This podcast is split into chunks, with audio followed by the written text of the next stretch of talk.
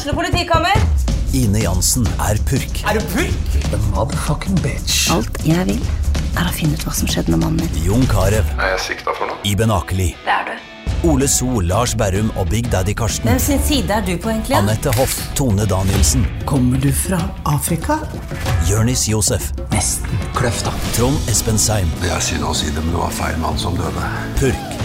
Premiere tirsdag på TV2 Play.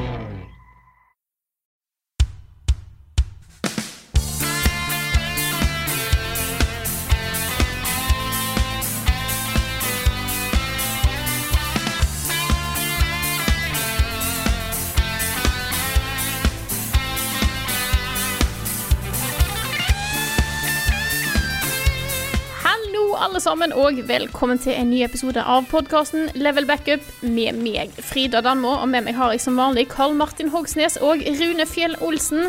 Hallo, folkens. Hallo, folkens. Hei, folkens. Det er en eh, herlig norsk uke, dette er, Mm folkens. det er det, folkens. Ja, tre svære norske utgivelser med Draugen, da, som kanskje det viktigste, men også uh, femårsjubileet til Among the Sleep, som feires da med en utgivelse til Switch. Hva sa du nå? Enhanced Edition. Det er femårsjubileet For jeg trodde du sa the Sleep. 25-årsjubileum. Nei, Eh, femårsjubileet. Ja, da er jeg med, da er jeg med. Jeg vet det ikke er 25 år siden jeg spilte Among the Sleep. Altså Når man kommer litt opp i åra, så begynner man å liksom Åra begynner å forsvinne, men, men så ille er det ikke. altså Så ille er det ikke. Nei. Og så da Conan Unconquered. Conan Unconquered. Yes. Yeah. Um, alle tre, liksom, på onsdag. Det, var, eh, det er kult å se det liksom hoper seg opp litt eh, norske greier. Og så har det også da denne uka her blitt markert uh, med en pris til norske Pode på Nordic Game Awards for beste art. Og det også er altså det, å, det er ganske skarp konkurranse i Norden altså, mellom uh, spillene. Det er mange mange flinke utviklere. Så det var en solid fjær i hatten til, uh, til Bergen, det der også. Så gratulerer uh, til henchmanen Gunn. Veldig, veldig kult. Absolutt. Og ellers, hvordan har vi det? Har vi, har vi det bra denne uka her? Ja, Sånn utenom? Ja. Det, det bare skjer så mye gøy. ja da. det gjør det. Vet du, det, det, De siste par ukene det har skjedd så mye gøy. Både på liksom TV-serier, film, musikk, spill. Og neste uke er det jo season of opulence i Destiny 2, så jeg har det bare megabra om dagen. Når vi snakker om eh, TV-serier, jeg har jo lyst til å bare si at jeg har begynt å se på noe nytt. Okay. Eh, for nå har jeg Jeg har fullstendig gone down the rabbit hole. Jeg har begynt å se på Paradise Hotel. Nice. Og jeg Kondolerer. Kondolerer. det er, en, det, er en, det er en sånn herlig blanding av at jeg ikke skjønner at det er virkelig personer som oppfører seg sånn. Eh, For jeg har egentlig litt lyst til å tenke at det er skuespillere. Men det er, det er, det er fascinerende gøy å se på. Det er det. Det er Så, sånn, ja. for, for meg så har det vært en guilty pleasure i mange år, men nå er det ikke guilty lenger. Nå har jeg bare embraced liksom, vet du hva, jeg syns det er kjempegøy. Og spesielt, spesielt hvis du ser på det som en litt sånn, et litt sånn sosialt eksperiment, hvor du Ja. putter masse mennesker inn i en situasjon, hvor de må prøve å liksom uh, spille hverandre ut, men ingen er spesielt gode på det. Det er, alle sånn, tror, det er noe Ja, ja, alle og tror de er gode tror på de det. er, de, de, de er liksom de smarteste personene i verden. Alle tror de er light i Death Note, men så er det ikke det. Og det er veldig morsomt. Og det er veldig sånn, Hvis du ser på det som det, da, så blir det utrolig sånn fascinerende TV. Ja, det er mest da. Og så syns jeg òg det, det, som gjør det ekstra gøy, den editinga er gjort utrolig humoristisk. Mm. Med at de har lagt på eh, Det er så mange special effects som skjer i bakgrunnen, så så lenge du følger med, så kan du få, du kan få med så mange gullkorn. Åh, Nei, så det har jeg, det har jeg faktisk begynt på, eh, og nå er jeg, eh, jeg Det er noen og 40 episoder, er det ikke det? Jo, jeg tror det. Det var jo finalen i går. Ja, jeg jeg skal prøve å holde meg under sosiale medier nok til ikke For nå har jeg, jeg har kommet til episode 20. Så jeg har faktisk sett Oi, en du har god sett del, såpass, ja. Ja, ja, jeg har hatt det i bakgrunnen mens jeg har uh, spilt uh, noe i det siste. Så nå eh, Wow. jeg, jeg kommer igjennom. Jeg skal ikke gjøre noe ting halvveis her, nei. Har du kommet til, har du kommet til parterapi i uka? Nei. Å, det er den beste uka. Den siste nå var Shake-uka. Dubai-uka. Ja, ok, ok. Ja. Men det er morsomt det med spoilere og ikke få spoila slutten på Paradise Hotel og sånt. Jeg syns det er litt kult med, med disse ekkokamrene på nett. Det er ingen i mine kretser som snakker om Paradise Hotel, bortsett fra dere to. Ja. Dere er de to eneste jeg kjenner som snakker om Paradise Hotel. Så for, for min del, jeg kommer ikke til å få den slutten spoila med mindre en av dere gjør det. Ja, det da skal jeg mer- unngå å spoile det.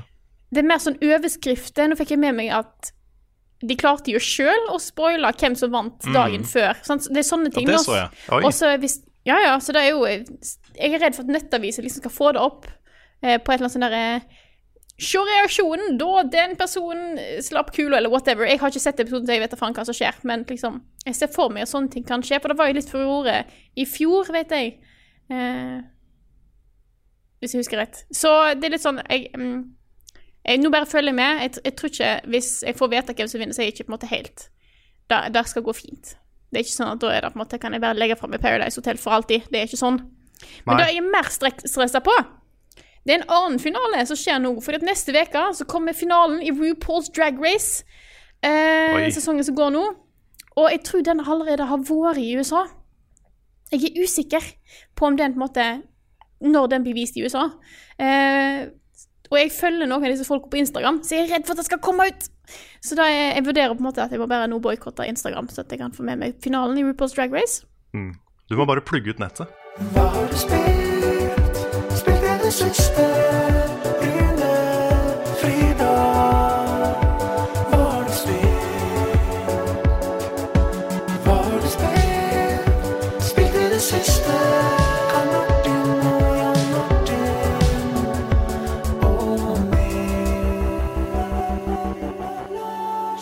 Skal snakke litt om hva vi har spilt i det siste. Men jeg kom på en ting til som jeg hadde tenkt å si i den forrige biten, som jeg nå har glemt. Fordi at jeg har, nå hatt, jeg har gjort så mye neste forrige uke at det er bare helt eh, Ja, for nå har jeg nemlig eh, Jeg satt på eh, en buss fra Hamar til Trondheim, for det var buss for tog hele veien. Og da fikk jeg tatt igjen og hørt på alt av nerdelandslaget. Så jeg har kost meg så mye med det, blant annet den biten der du var med, eh, Rune. Mm. Yes, har den har jeg også sett. Eller hørt. Og du har jo allerede snakka litt om den quizen som du var med på. Jeg hadde tenkt vi skulle liksom bare la den ligge. Jeg sa Ja. at jeg grua meg, og så har jeg liksom ikke kommentert det så mye etterpå. Det går helt fint. Så tenkte jeg kan ikke vi bare la den ligge? La Jeg- det være et kapittel? Jeg har ikke tenkt å si noe om, om det, men det har jeg lyst til å kommentere på, skjønner du. For jeg har nemlig lagt meg en liten sånn note her. Ok. Og da er eh, det, er mest, det er ikke nødvendigvis til deg, det er til hele Det, det som på en måte Du tok opp at Carl sitter og hører på spillmusikk. Og at alle dere tre som var i podkasten, var så på en måte overraska at her sitter folk og hører på spillmusikk. Og da følte jeg meg litt truffen. Ja. Ja. Fordi at jeg Ja. sitter sånn Jeg har skrevet her, da Er det rart å høre på spillmusikk? Med tre spørsmålstegn. Så det er Nei. Nei. Dette er bra du det tar opp, Frida. ikke, Ja. Det var ikke meningen min i det hele tatt. Det var bare et, det var bare et eksempel på liksom hva slags musikk jeg hører på, og hvor godt rusta jeg er for en sånn type quiz. Mm. Det var ikke ment som noe negativt eller noe kritikk eller noe som helst sånn. Det var bare ment som en forklaring på hvorfor jeg ikke catcher spillmusikk kanskje med en gang, og ikke er liksom så opptatt av det som andre, da. Ja, ja. Det går, det går helt fint. Det var bare litt mer sånn Å, sitter han og hører på spillmusikk? Det er jo kanskje Ja, det- kommentar mest nerdelandslaget i tillegg. Det var mest at jeg var så Jeg ble litt sånn overraska, for det er jo noe som jeg gjør hele tida. Jeg har jo store, lange spillelister med kun spillmusikk. Så Ja da, og så, Det er helt greit. Jeg syns fortsatt det er litt rart, for det fins så mye annen bra musikk. Ja, men musikk er musikk. Fantastisk musikk som ikke fins i spill. Men altså, én ting er jo hvis man bare hører på spillmusikk, men det er ingen av oss som gjør. Nei, det er Nei. det ikke. Men man hører sp- på spillmusikk også. Ja. Men jeg, bare, jeg, jeg ble ikke Jeg ble ikke jeg tok meg ikke nær av det, jeg ble ikke såra eller noe sånt. Det var bare sånn, Nei. Jeg også tenkte litt sånn Oi, det var morsomt at det var såpass reaksjon på det. Jeg vet ikke. Men jeg, jeg, jeg, jeg, jeg, tror, jo, jeg tror jo at uh, folk som hører utrolig mye på musikk Hvis man bare hører på spillmusikk, jeg tror de vil synes det er litt rart, altså. Jeg Ja. tror det. da, jeg ser den. Det, Jeg det er sant, men, men sånn er det jo med alt. Hvis man bare ser én filmsjanger. Hvis man bare? Mm. Ja. Nei, jeg er fryktelig glad i musikk, så det var egentlig bare derfor jeg Ja. tok det opp. Jeg hører utrolig mye på musikk. Um, og det som er, en ting som jeg synes, Nå går vi langt inn i hva vi spilte i det siste, vi har ikke begynt å snakke om det ennå, men jeg må bare Yes. nevne at uh, på et visst punkt, da, rundt da jeg var 30, sånn midten av 30-åra, så trodde jeg at min musikksmak var fastlåst for alltid, fordi uh, hvis man lager sånne lister da, over uh, favorittalbum og sånt gjennom tidene, så innså jeg at alt som jeg likte aller best, hadde kommet ut på starten av 90-tallet. Og jeg trodde at liksom den derre store musikalske oppvåkninga da, kom til å følge meg resten av livet, og bare uh, gammelt Alice in Chains og Depeche Mode, og det var det som jeg kom til å like, og ikke noe annet nytt. Men så oppdaga jeg da etter noen år at vet du hva, det ga seg. den der nostalgien for den store musikalske oppvåkninga ga seg. Og jeg begynte å høre på masse ny musikk, og det gjør jeg fortsatt. Så ikke vær fortvila hvis eh, du er i samme situasjon, uh, lytter. Det er, det er fullt mulig å oppdage ny musikk, selv om du bikker 40 og pusher 50. Fullt mulig, altså. Fullt mulig. Du kan òg oppleve at du syns det er kult å høre på spillmusikk, og det er lov da òg. Ja da, jeg, jeg, har, jeg hører jo på spillmusikk, jeg også, av og til. Og i fjor kom det jo eh, tre soundtracks som jeg hørte en del på eh, ellers. Eh, Gris, eh, Far Cry 5 og Red Dead. Som jeg oppsøkte musikk og sånne ting. Så jeg, har jo, jeg hører jo på spillmusikk også. Jeg gjør det. Ja, det var ikke ment som et angrep på deg, Rune. Det- Jeg ville Jeg hører bare på bra musikk uansett hvor den kommer fra. Yes. Det er riktig konklusjon. Ja. yes. Skal vi snakke litt om hva vi har spilt i det siste? Det gjør vi. Hvem har lyst Draugen. Draugen. Draugen. Dette blir en veldig norsk spillpodkast. Altså, vi er ja, jo en norsk det. spillpodcast, men den blir veldig norsk denne uka her. Pat Mm, det gjør altså, ordentlig sånn nasjonalromantisk. Og det er jo egentlig det det spillet her er i tillegg. For vi Mm. Ja, har ja. jo spilt det alle tre. Det har vi. Yes. Jeg eh, spurte pent om vi kunne få tre koder. Fordi eh, For det første så er det jo altså Det å, å sitte tre stykkene og spille gjennom et spill er jo ofte en eh, litt sånn umulig task. Man kan ikke sette av 20 timer av tre personers arbeidsuke for å spille det samme spillet, sånn at alle skal kunne snakke om det. Dette er jo tre timer, underkant av tre timer. Jeg tenkte Det er liksom, det hadde vært kult da hvis vi alle tre hadde spilt det, og det har vi gjort.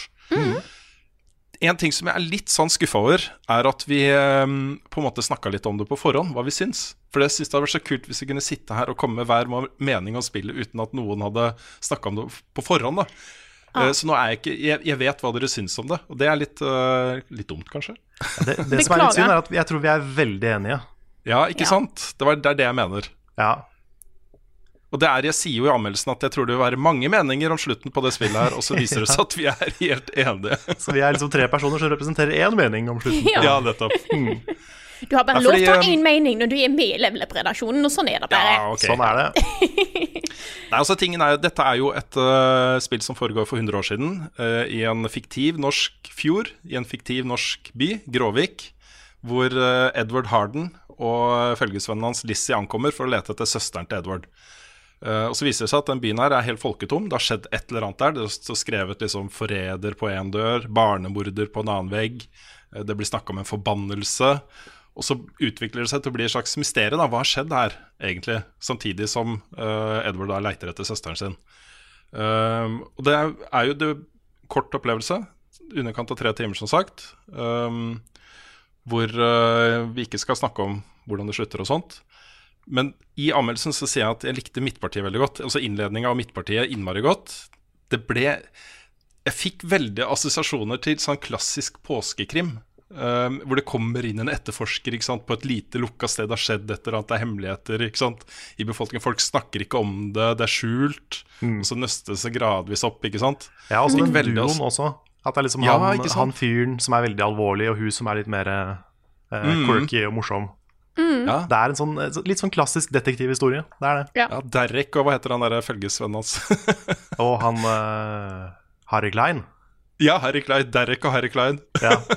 Det hadde vært kult hvis det var de som kom til Gråvik for 100 år siden. Um, men, det, men, det, men det er det det er. Også et, et klassisk detektiv, sånn etterforskningsdrama. De er etterforskere, på en måte.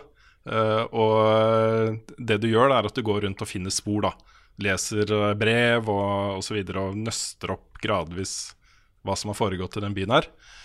Um, den biten likte jeg veldig godt.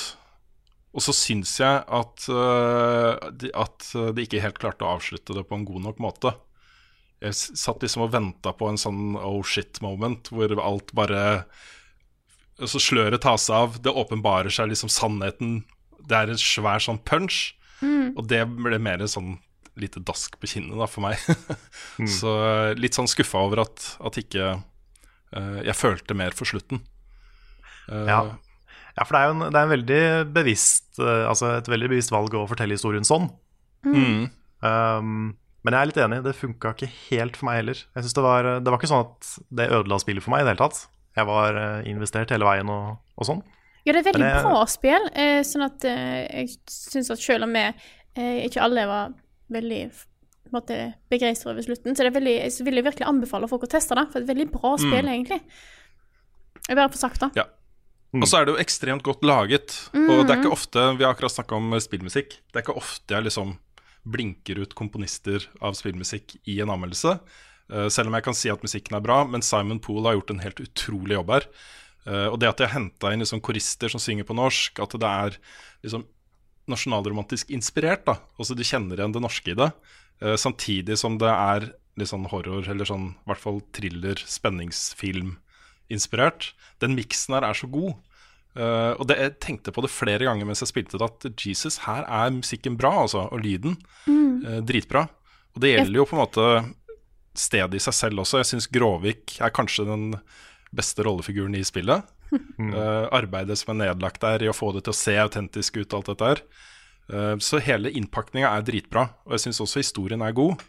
Eh, ikke minst så tenker jeg at kanskje de har skapt grunnlaget for noe her som kan bli bedre i fremtiden. Så, så jeg er positiv også. Jeg ga det sju av ti, og det, jeg mener, det står jeg for. Jeg syns det er et bra spill. Uh, men jeg hadde jo Grunnen til at jeg er litt skuffa, jeg hadde jo liksom et håp da om at uh, det skulle klatre enda høyere på den skalaen til ti, liksom. Mm. For meg personlig. Ja. Jeg syns jo også at det er, det er mer Altså man føler, føler seg mer involvert når man spiller, enn man gjør i mange av de typiske gå rundt og se på ting-spilla. Ja, Jeg, prøver ikke- jeg prøver å ikke si walking simulator, for jeg liker ikke det Ja, jeg vet det. Jeg så, det var et, Gå rundt og se spillene er faktisk eh, ja, et Ja, bra jeg vet ikke om det er bedre, men, eh, men bare walking litt... simulator er så veldig sånn Det høres så crap ut. Det er så sånn Ja, det kynisk det. måte å ja. Men jeg syns dette her jeg synes dette er mer enn bare det jeg vanligvis kaller en walking simulator. Så det er derfor jeg ikke har lyst til å på en måte si det heller.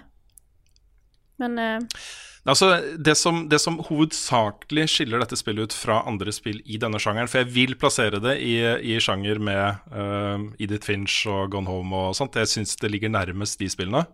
Men det er jo at du hele tiden er i dialog med en annen rollefigur i dette universet. Uh, I de andre spillene så er du som regel helt alene. Altså det er deg mot miljøet, på en måte. ja. Du ser som regel ikke andre mennesker i det hele tatt. Nei. Um, så, så det er på en måte det som skiller seg mest ut. Eh, den interaktiviteten mellom de to. ja, for det, det er jeg helt enig i. For det jeg syns var litt kult, er da at eh, hvis du Altså hovedkarakteren er i nærheten av Lizzie, så har du en knapp som du kan trykke på for at dere to skal snakke sammen. Mm. Og det syns jeg var en utrolig kul måte å gjøre det på, for da kunne du på en måte ha en litt sånn Du føler at det er du som holder samtalen i gang, eh, og på en måte Det var noe jeg på en måte sjøl hadde lyst til å gjøre. Jeg hadde lyst til å snakke med Lissi for å finne ut hva hun syns om ting som skjedde. og sånt. Da, eh, Mm. Jeg likte veldig, veldig godt den, eh, den tingen der, altså. Så er det et annet element her som jeg elsker, og det er at også dette er jo et norsk spill lagt til en norsk fjord med liksom alt det der nasjonalromantiske videre. Det er også det for alle andre i verden. Altså Brevene er skrevet på norsk, ting står skrevet på norsk på veggene. Og så er det Edward, da, som er øh, Han snakker jo engelsk. Som på en måte oversetter. Han har norsk bakgrunn, så han kan noen norske ord, og han klarer å oversette det on the fly, på en måte. Og Det syns jeg er litt stilig, da. At på en måte den norske, den norske tingen blir tatt ut i verden på den måten her. Um, ikke fordi den nødvendigvis er norsk, uh, men det er det samme jeg liker i andre type uh, Også andre greier også. Når det er på originalspråket, det blir liksom tatt utgangspunkt i at ok, her må du følge litt med og være litt med på den oversettelsen og, og sånne ting, istedenfor at alt bare blir oversatt til engelsk, universale engelsk språk, liksom. Ja, du Eh, prata sånn jo om, eh, du pratet jo om Plague Tale forrige uke, om at mm. du Mm. spilte det på fransk. Ja. Det er helt riktig, og jeg syns det, det hever opplevelsen. Jeg syns det gjør det mer autentisk, og eh, innlevelsen blir sterkere når det er på originalspråk, og du er liksom Ja. Men når, når det er sagt, jeg syns jeg så norsk som språk i menyen. Ja, men det er subtitles. Det er bare subtitles. subtitles. Ja. Bare subtitles. Ja, ok. ok. For jeg begynte å lure på om de hadde oversatt det til norsk. Ja, det Nei, hadde da vært litt rart. Ja, for det, siden han er amerikansk, sant? Ja, ikke sant? Det ville vært litt for jeg bare Ja, OK. Mm. Nei, for jeg begynte å lure. Men uh, du prata jo om i anmeldelsen, Rune, Mhm. Det at dialogen med Lizzie var litt, eh, litt sånn rar i starten og krampaktig. Ja. Jeg var litt enig i det. Eh, Jeg syns det bedra seg veldig etter hvert. Mm. Det var mest liksom den første dagen i spillet, så reagerte jeg litt på det. Men det var ikke nødvendigvis den slangen jeg reagerte på. For meg så var det mer den der at Altså, det er veldig tydelig at hun er en litt sånn quirky, morsom, eh, energisk karakter. Men jeg syns det ble akkurat litt for mye. Sånn at liksom hver replikk var sånn. Og da ble det Mm. nesten mer en karikatur enn en person, for meg. Mm. Uh, Men det ble mye bedre etter hvert. Men første dagen så reagerte jeg på det. At det var liksom Alt hun sa, skulle være vittig, liksom. Ja. Dette her er Nå, nå er det også Kan hende at noen blir sure på meg nå. Men dette er for meg uh, et eksempel på også, Fordi vi i Norge og Skandinavia er innmari flinke i engelsk. Vi har utrolig stort ordforråd. Altså Hvis du er god i engelsk på, eh, via skolen da, og har lest masse engelske bøker og sett masse engelske filmer og TV-serier og alle de tingene som vi gjør, da, så har du i mange tilfeller et sterkere og større ordforråd enn det uh, engelske personer har. Jeg opplevde det sjøl da jeg kom på eh, amerikansk high school som 17-åring og skrev stiler og sånne ting. Um, jeg, jeg skrev jo bedre enn de andre i klassen. Og så jeg hadde bedre grammatikk, uh, bedre ordforråd uh, osv. Det er litt sånn spesielt, da. Jeg vet ikke helt hvorfor det er sånn. Jo, jo det er sånn fordi vi høres så mye engelsk. men, uh, men dette er litt eksempel på det, føler jeg, da. At det er litt for engelsk. Altså, det, det er ikke uh, det er ikke skrevet av en engelskmann, og da syns jeg det ble litt mange sånne ord som er helt korrekte, liksom. Og kanskje også det ble brukt en del på den tiden. Uh, jeg tror det er godt research og alle de tingene der, men jeg tror ikke folk snakka sånn.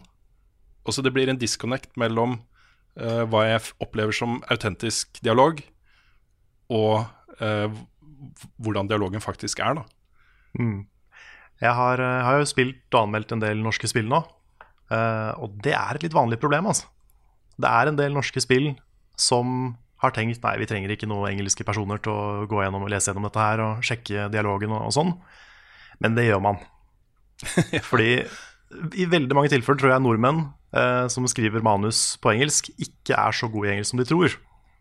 Ja, det kan Og det, er, det har jeg merka med ting jeg har skrevet på engelsk opp igjennom. At jeg har gått tilbake seinere og så bare Å ja, shit, jeg var ikke så god i engelsk som jeg trodde jeg var. Og det er eh, jeg skal, ikke, jeg skal ikke henge ut noen spill nå, men det er noen spill jeg har anmeldt som har hatt et ganske, ganske labert engelsk manus med en del sånn Noen, noen ganger med grammatikkfeil. Eh, Jeg har funnet en del grammatikkfeil i Conan Unconquered, f.eks. Um, og det er sånn Burde gå gjennom en, en oversetter på slutten, altså. Bare for å sjekke liksom, er alt riktig. Men Ragnar Tørnquist er dritstødig i engelsk. Han Ja, det var ikke noe, ikke noe sånt i Draugen. Nei, og 'Lengste reisen' skrev han jo på engelsk. Og han Mm. liker Jeg har hørt han si Jeg husker ikke. Og så Ta det her med en klype salt, men jeg har, mener å huske at jeg hørte hørt han si at han foretrekker den engelske versjonen av 'Lengste reisen' foran den norske. Og at han også syns den norske versjonen blir litt rar, da, for han har skrevet det på engelsk og tenkt engelske skuespillere og alt dette her. Og han Jeg tror han sa i skrevet vårt. Ja, det kan hende, det. det kan Jeg, tror, jeg også husker at han har sagt det. Og han har til og med skrevet bøker på engelsk. Og det er liksom, Han har utrolig godt eh, grep om det engelske språket. Uh, og Sånn sett så føler jeg at kanskje dialogen til Lizzie blir litt sånn språknerding på uh, slang fra 1920-tallet. Eh, og jeg opplever også ofte i filmer da, som foregår uh, før i tiden, hvor folk snakker annerledes, at de tilpasser det til moderne tid fordi det ikke klinger så bra. da. Deadwood, for eksempel, eh, hvor de har lagt inn masse moderne uh, formuleringer, måter å snakke på i de greiene, selv om de ikke snakka sånn. Og det er jo rett og slett for å ikke få den disconnecten, da. Um, folk vet, folk, jeg vet jo ikke hva som var autentisk måte å snakke på for 100 år siden. ikke sant? Men jeg vet hvordan autentisk måte å snakke på er i dag. Så ja. Det er en liten sånn filleting som jeg føler vi henger oss litt for mye opp i nå. Ja. men, uh, men det ble en lite sånn irritasjonsmoment for meg. da Men jeg må bare si igjen at det er først og fremst i starten, i hvert fall for meg. Mm. Så fort ja, vi begynte på dag to, så jeg, tenkte jeg ikke på det lenger. Ja, jeg tror jeg var på dag tre, kanskje, hvor det, det begynte å flytte litt mer. Hvor eh, ting tok litt vendinger og, og sånt. Jeg fikk andre ting å tenke på.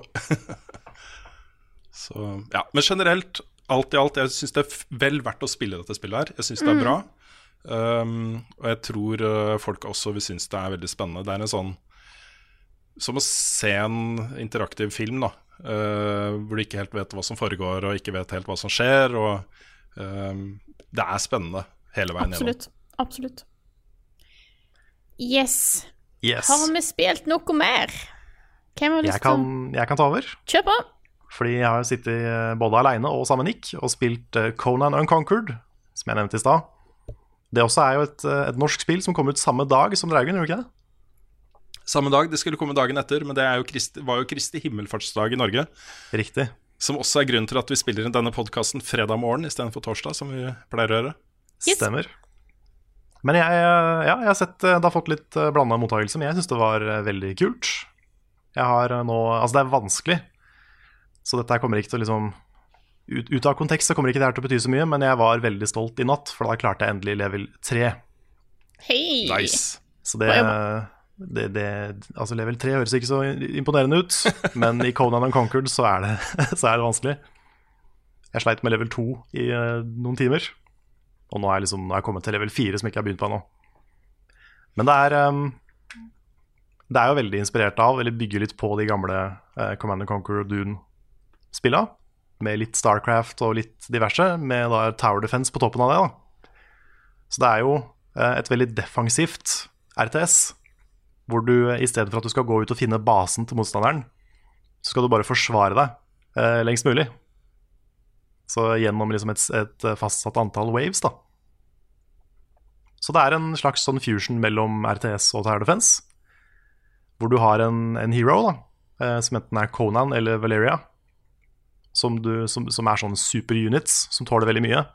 Og de kan gå rundt og utforske kartet da, og finne liksom skorpionreder og supermonstre og sånne ting.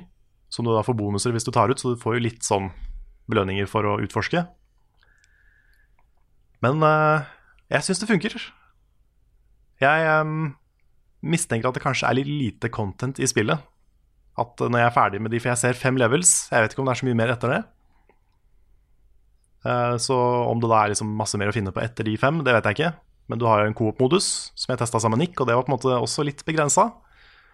Det var uh, en lobby hvor du kunne sette opp litt sånne enkle spill-settings, men det var på en måte det. Og så kan du visst lage og sette opp noen challenge-greier som du kan utfordre andre på online og sånne ting. Når du har tatt de fem levelene, vet du, så er det de samme, men speilvendt. Ja, mirror mode. Det, er, eh, det blir ikke så mye vanskeligere i jeg Altså. det er liksom bare å bygge omvendt.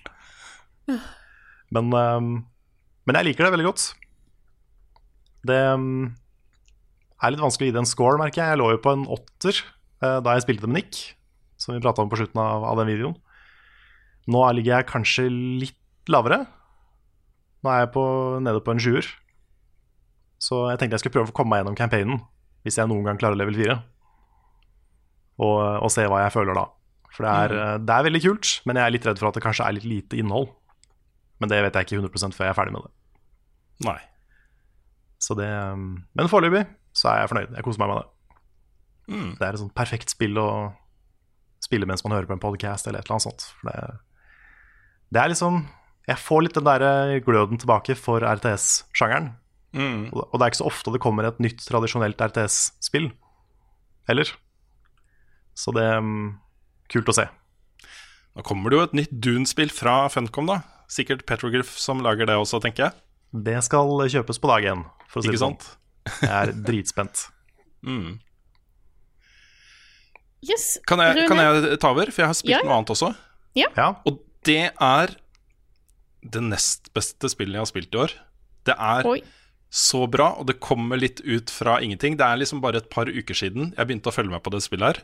Og tenkte at what? Det her høres jo kjempebra ut. Eh, det kom i går. Heter Outer Wilds. Mm. Og det spillet der, altså. Det spillet der er Altså, det klør alle kløene mine. det var en on the fly norsk oversetting av eh, Scratch All My Ages. Ja. Men Jesus Christ. Altså, du, eh, du bare spawner inn i en verden, en planet, hvor eh, eh, du får beskjed om at du skal ut og utforske. Du har fått liksom tillatelse til å fly et romskip, skal ut og utforske. Eh, gå rundt, snakke med folk, få litt innblikk i liksom, hvordan teknologien funker. Og det er jo litt sånn Ting er lagd av tre, romskip er lagd av tre og metall. Så ting er litt primitivt. eh, men du har en del items. Disse itemene og den teknologien er basert på en Altså, det er her jeg begynner å få sånn gåsehud. Fordi alle de historiene her eh, de- er nesten like, men jeg elsker dem alle sammen. Det er en eldgammel sivilisasjon som har eksistert der før. De har etterlatt seg deler av teknologi og spor til liksom hvordan man skal vokse som sivilisasjon. Eh, og du skal liksom finne de sporene. Og de har også eh, Det de har gjort, da, er å på en måte advare og gi deg verktøy skjult i gåter og puzzles rundt omkring i dette universet her. eh, For hvordan du skal stoppe den kataklysmiske katastrofen som skal ramme dette stedet her. da. Så du flyr rundt og får liksom bruddstykker av, av tekst og teknologi og sånne ting etter hvert. Um, men det som skjer, da, er at du uh, Disse planetene er jo bitte små. Du kan gå rundt de på en måte. De er ikke store. Det er jo et designvalg som er gjort her. Eh, så de har liksom veldig begrensa Du kommer ikke til å gå i timevis og ikke finne noen ting. Du finner alltid noe eh, når du er ute og utforsker. Men du har bare 20 minutter på deg. Fordi solen i dette eh, solsystemet her blir en supernova og utsletter alt sammen etter 20 minutter. Det som skjer er at alt du har gjort, blir lagra. Så har du reist og funnet noe kult, liksom. Låst opp noe nytt, et eller annet. Så blir det lagra. Du våkner igjen da, og setter deg inn i romskipet og skal fortsette på eh, greiene. Og du har 20 minutter på deg igjen. Og det, den følelsen da, av at du har en god chunk med spilletid Du kan reise liksom til eh, alle planetene eh, i løpet av de 20 minuttene og gjøre noe.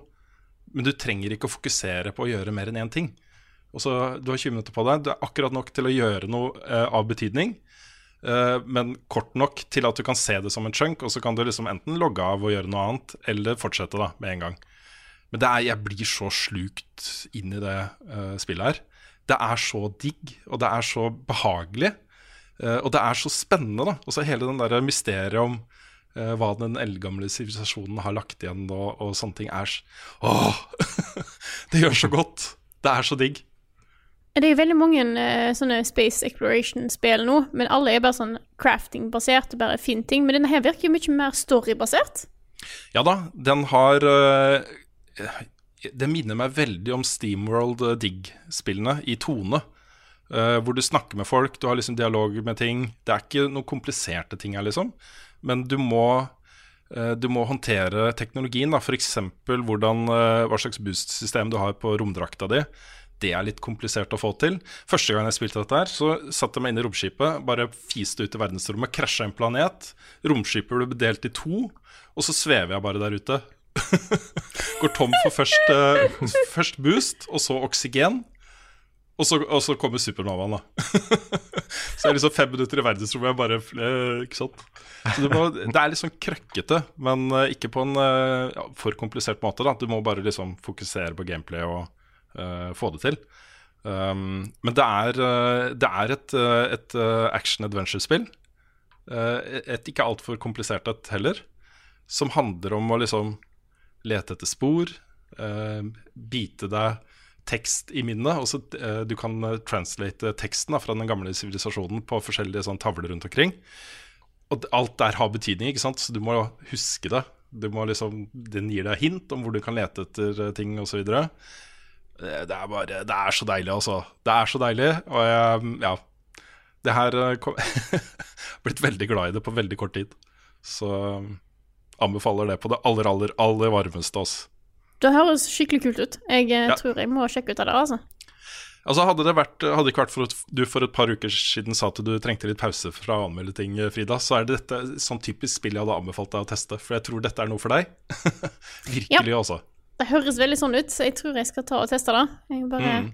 Jeg har havna ned i et annet kjør nå, som jeg skal snakke om. Eh, men eh, jeg vet ikke Er du, er du ferdig med det du Jeg, jeg, jeg kunne ha snakka mye mer om det, men eh, vi kan godt la det ligge nå. Bare folk får med seg at dette er noe de bør sjekke ut. Det er mm. dritbra. Men spiller du det på PC eller PlayStation, eller? Jeg spiller på PC. Ok. Det er, det, en, det hadde vært en veldig kul stream, tenkte jeg på. Ja, det har vært en kjempekul stream. Du får jo eh, eh, seks supernovaer i løpet av en to timer lang stream. Så Ja, sant. Kunne hatt det på onsdag. ganske mye, altså. Kanskje. Ellers så har eh, For det var en ting jeg også hadde tenkt å nevne, som jeg glemte. Men uh, det er jo noen som har spurt om Nick og jeg kan uh, gjøre litt mer på Konan. Ah, ok. Så det kan være at vi kjører en eh, Konan-stream på onsdag, hvor vi uh, spiller det to timer til. Og så kommer vi med en eh, endelig score på slutten. For da har vi Nice. nå begynner, jeg- Jeg begynner snart å føle at jeg har spilt det nok til å kunne i hvert fall gi den en score. da Mm. Så vi får se om kanskje det blir det på onsdag. Kult. Kult. Da For jeg har nemlig havna back på et, på et kjør som jeg ikke har vært Som jeg ikke har spilt på lenge. Jeg har eh, For det er en, eh, en oppfølger til en spillserie jeg har spilt sinnssykt mye. Det er kanskje den RPG-en jeg har spilt mest i mitt liv. Jeg havna på Sims-kjøret igjen. Å nei! Eller jeg mener å ja! Ja. Fordi Sims 4 var gratis en liten periode. Eh, jeg ga det ut for free. Uten utvidelsespakker, da, selvfølgelig. Så det er jo bare basispakken jeg har spilt nå. Og den vet jeg på en måte det er ikke så veldig mye innhold der, men jeg har gjort det likevel. Dette spiller jo jeg som en RPG. Det er jo jeg som Det er ikke noe cheat codes her nå. Jeg har laget karakteren min. Jeg driver og bygger opp alt fra liksom scratch. Nå begynner jeg jo snart å få nok penger til å kjøpe meg et større hus. Jeg har spilt da så mange timer jeg, den siste uka. Og det er altså så gøy. Det, det, altså tingen er at Jeg innser at Sims 4 er ikke, mitt, det er ikke mitt favoritt-Sims-spill. Men det er et sånt spill som jeg kommer til å bruke altfor mye tid på. Uavhengig om Det, måtte, det, det, liksom, det mangler et par features, føler jeg, og jeg føler at ting er litt tungvint. Um, det generelt mangler litt innhold. Og jeg skjønner at det kommer seg hvis du kjøper alle expansion packs og sånt. For sånn er det alltid på alle Sims-spill. At da spillet er jo ikke måte Du har ikke det du trenger før du har lagt på et par hundrelapper, minst. I tillegg. Nei, nei, fordi jeg har aldri vært sånn veldig inne i Sims. Men hvor mange expansions må du kjøpe før det føles komplett? Det er da jeg lurer på. Sånn at hvis det er noen som er For jeg vet det er flere i community som er veldig Sims 4-engasjert. Hvis jeg kan få en liten infobit om hva pakker jeg trenger, så kan jeg vurdere om jeg skal kjøpe dem. Men det jeg egentlig har litt lyst til nå, er å gå tilbake til de andre Sims-spillene. For å, for å se liksom hvor serien har gått. Fordi jeg vet at måte, Sims 2 og 3 er fortsatt blant mine favoritter. Så jeg har ikke bestemt meg om jeg nå bare skal kjøre på med Sims 4, eller gå tilbake igjen. Bare for en litt sånn nostalgiblikk. Men eh, dette er noe jeg, jeg er så tilbake i gaming jeg nå, at det er jo bare Jeg har bare spilt. Det er alt jeg har gjort. Jeg har spilt, og så har jeg, jeg har spilt Sims 4 og hatt Paradise Hotel på andre skjermen. Oh. Og det er alt jeg har gjort. det er sånn, Da vet vi det, at hvis vi, hvis vi bare gir liksom Frida en ukes pause av og til, så blir du liksom den mest hardcore gameren av alle. ja. Ja, men det er, så, det er faktisk så herlig. For det er ikke så mange uker siden jeg hadde den, det tidspunktet i podkasten der jeg sa at nå må jeg ha fri.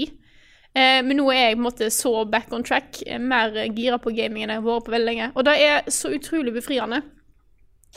Så nå må jeg bare finne meg et eh, Nå driver jeg bare på å finne ut hva skal jeg anmelde nå, fordi at jeg prøver liksom å finne ut hva Jeg prøver å tenke på hva er det som kommer, som jeg har eh, lyst til å gjøre noe på. Fordi at nå, eh, nå er jeg veldig sånn i den Jeg har lyst til å fortelle om spill-feelingen igjen.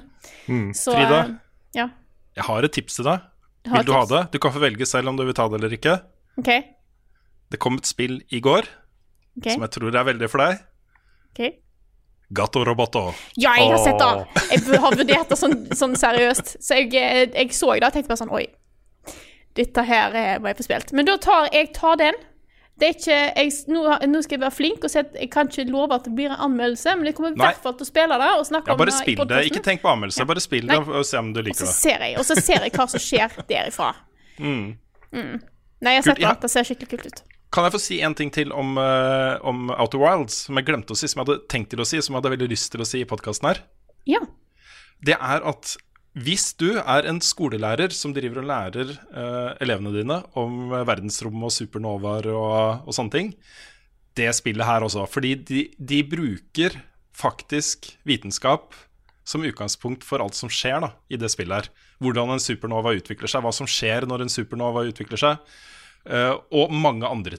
Mange andre ting. Det er på en måte som en slags sånn frontier eh, ut i verdensrommet, utforske eh, altså, de, de er på en måte Einstein og de folkene som har sittet på jorden og forska på verdensrommet. Hva er det som egentlig skjer her ute? Så De snakker om at uh, du finner en tekst av et sted sant, med en som sitter og forsker på dette, her, som sier Vent litt, alle galaksene rundt oss de uh, for, uh, kommer lenger og lenger unna oss.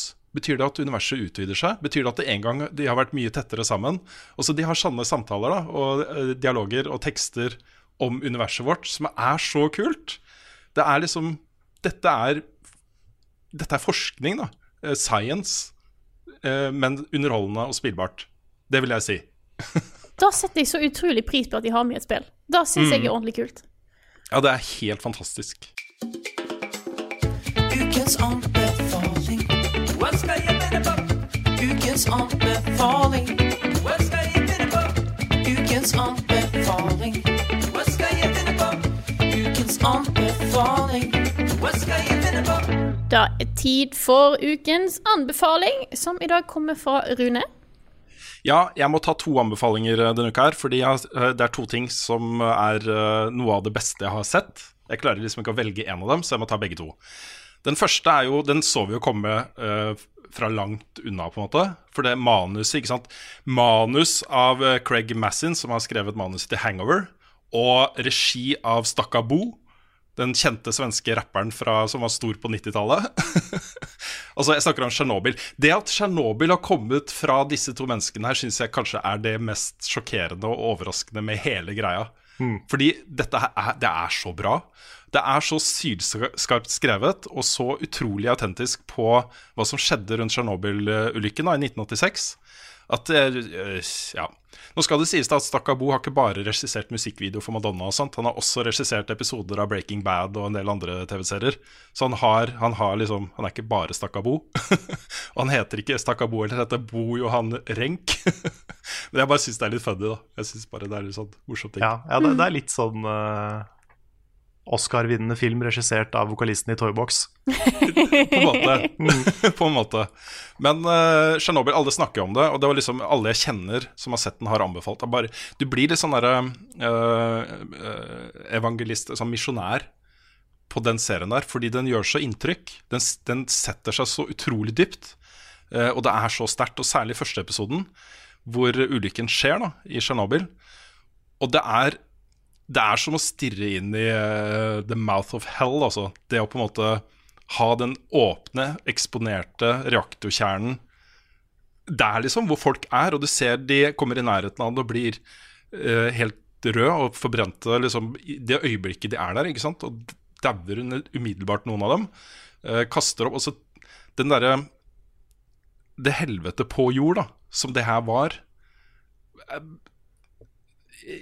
Ja du gisper etter luft, på en måte, den første episoden, for den er så utrolig intens. da.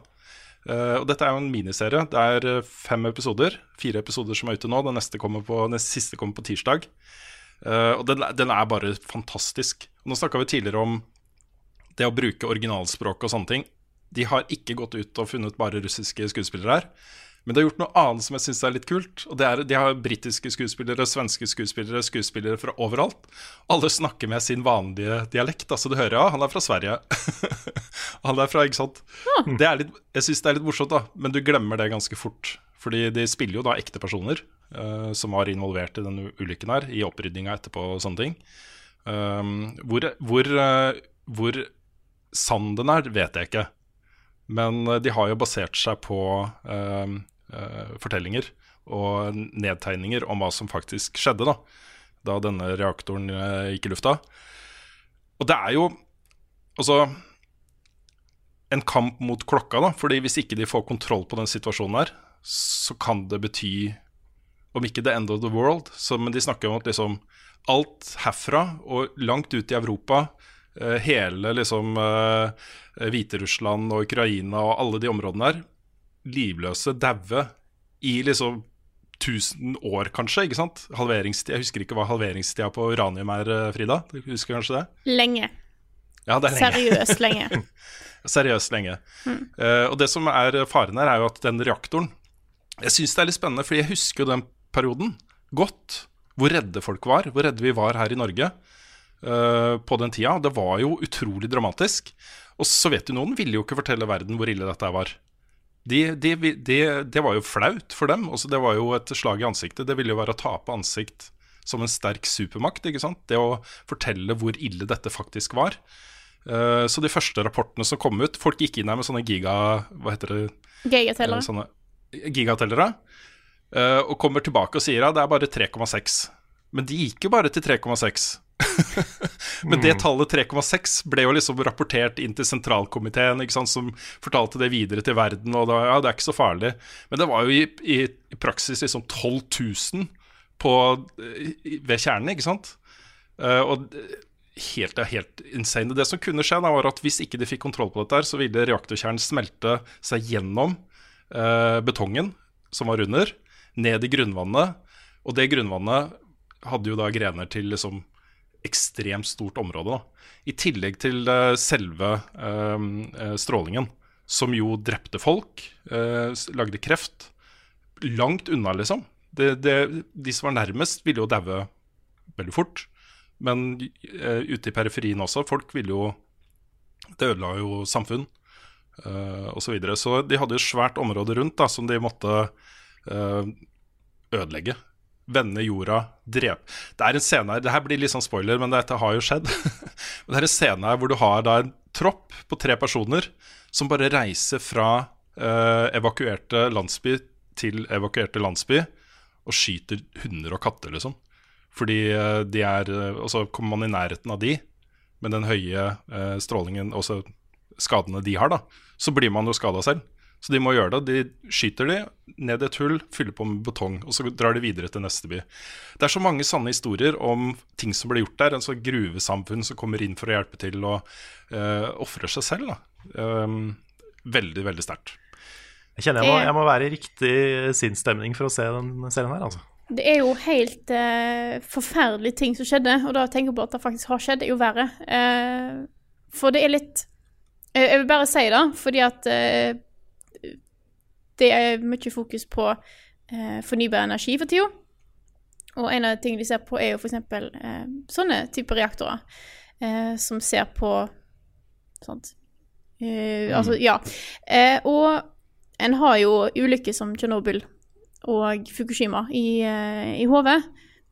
Det er jo Grunnen til at disse gikk gale, er jo fordi at de ikke ble holdt ved like, og det var gamle reaktorer. Så jeg vil bare nevne da at dagens eh, sånn nuclear reactors er veldig sikre, og så lenge du tar de forholdsreglene som er på en måte satt, og følger dem, så er det da noen av de sikreste anleggene som er i verden.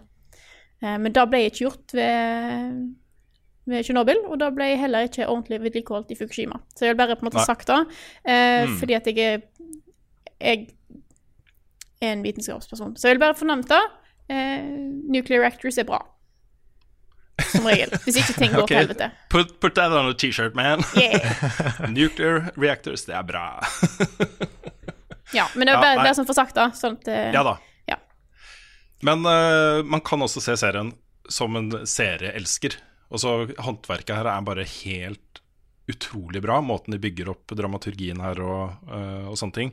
Det er, det er en utrolig bra serie, så alle som anbefalte den, hadde helt rett. Nå anbefaler jeg den videre. Bare se den serien også. Den er, det er noe av det beste jeg har sett på TV. Og det er også den andre serien jeg må anbefale, eh, fordi det er en serie som ingen snakker om. Jeg har hørt noen liksom, hint her og der eh, om at dette er en serie det er verdt å få med seg. Eh, men nå er det sesong to, og jeg tror det er den siste sesongen av en britisk serie som heter Fleabag. Er ute nå på Amazon Prime. Eh, og jeg tror det var liksom Den siste episoden der fikk folk til å gå litt ut på Twitter og begynne å snakke om det og sånn, og da snappa jeg det opp, og så har jeg sett nå nesten alt. Jeg mangler et par episoder. Og det er så utrolig bra. Dette er uh, Jeg har fått en ny uh, helt, da. Helt Heltinne. En, en person som jeg ser veldig opp til, og, opp til å respektere enormt. Og det er hun som har skrevet manuset og spiller hovedrollen i den serien her. Hun heter Phoebe Waller-Bridge, og hun har en av de beste pennene jeg har opplevd noen gang, altså. Hun skriver så skarpt og smart, og ikke minst helt hysterisk morsomt. Det er noen scener her, bare for å Jeg, jeg tar ingen eksempler. Nei. Det er noen scener her som jeg, jeg sitter og ler høyt, og det gjør jeg ikke så ofte når jeg ser på ting alene. Um, men jeg ler høyt av dette her. Det er utrolig morsomt, men det er også et mørke her og et sånn bakteppe som er utrolig uh, sårt og vondt. Eh, Så den har liksom den miksen som jeg elsker, eh, hvor man kan le av de fæle tingene også, men hvor ting er Ja. Uh, og det jeg syns er ekstra interessant, det er liksom hvis du setter denne da opp mot uh, Afterlife til Ricky Gervais, som er tematisk De er tematisk ganske like. Det her er mye bedre. det er mye bedre og skarpere og smartere og uh, vittigere og alt, liksom. Morsommere. Det er utrolig bra. Eh, Så nå har jeg blitt litt sånn der Phoebe Waller-Bridge-fan. da Nå skal jeg liksom oppsøke alle de andre tingene hun har gjort. Og nå har lagd en annen serie, og så skrevet og spilt i en serie som heter Crashing. Som jeg har hørt eh, tidligere skal være veldig bra. Eh, Hun har også eh, skrevet manuset til TV-serien Killing Eve med Sandra Oh i hovedrollen. Sandra Sandra Oh spiller da en, en, en eh, eh, sånn secret agent på jakt etter en eh, seriemorder. Up my alley. Eh, og jeg har også sett på Wikipedia at hun har uh, reworka manuset til den neste Bond-filmen. Bare for Oi. å snakke om liksom, nivået hun er på, da. Ha. Så Nei, også Fleabag. Bare se den også. Det er tolv episoder totalt, fordelt på to sesonger. Og det er bare noe av det beste jeg har sett. Det er eh, helt uh, amazing.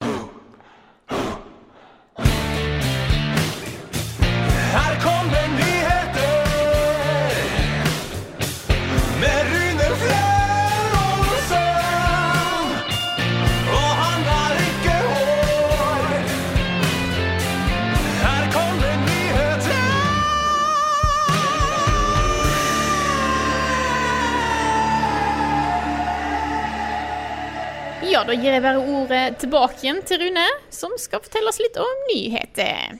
Ja, jeg skal gi ordet tilbake til dere, for nå har vi fått den første skikkelige avdukingen av Death Stranding. Det er så utrolig morsomt. De starta da en livestream på uh, Twitch TV slash PlayStation.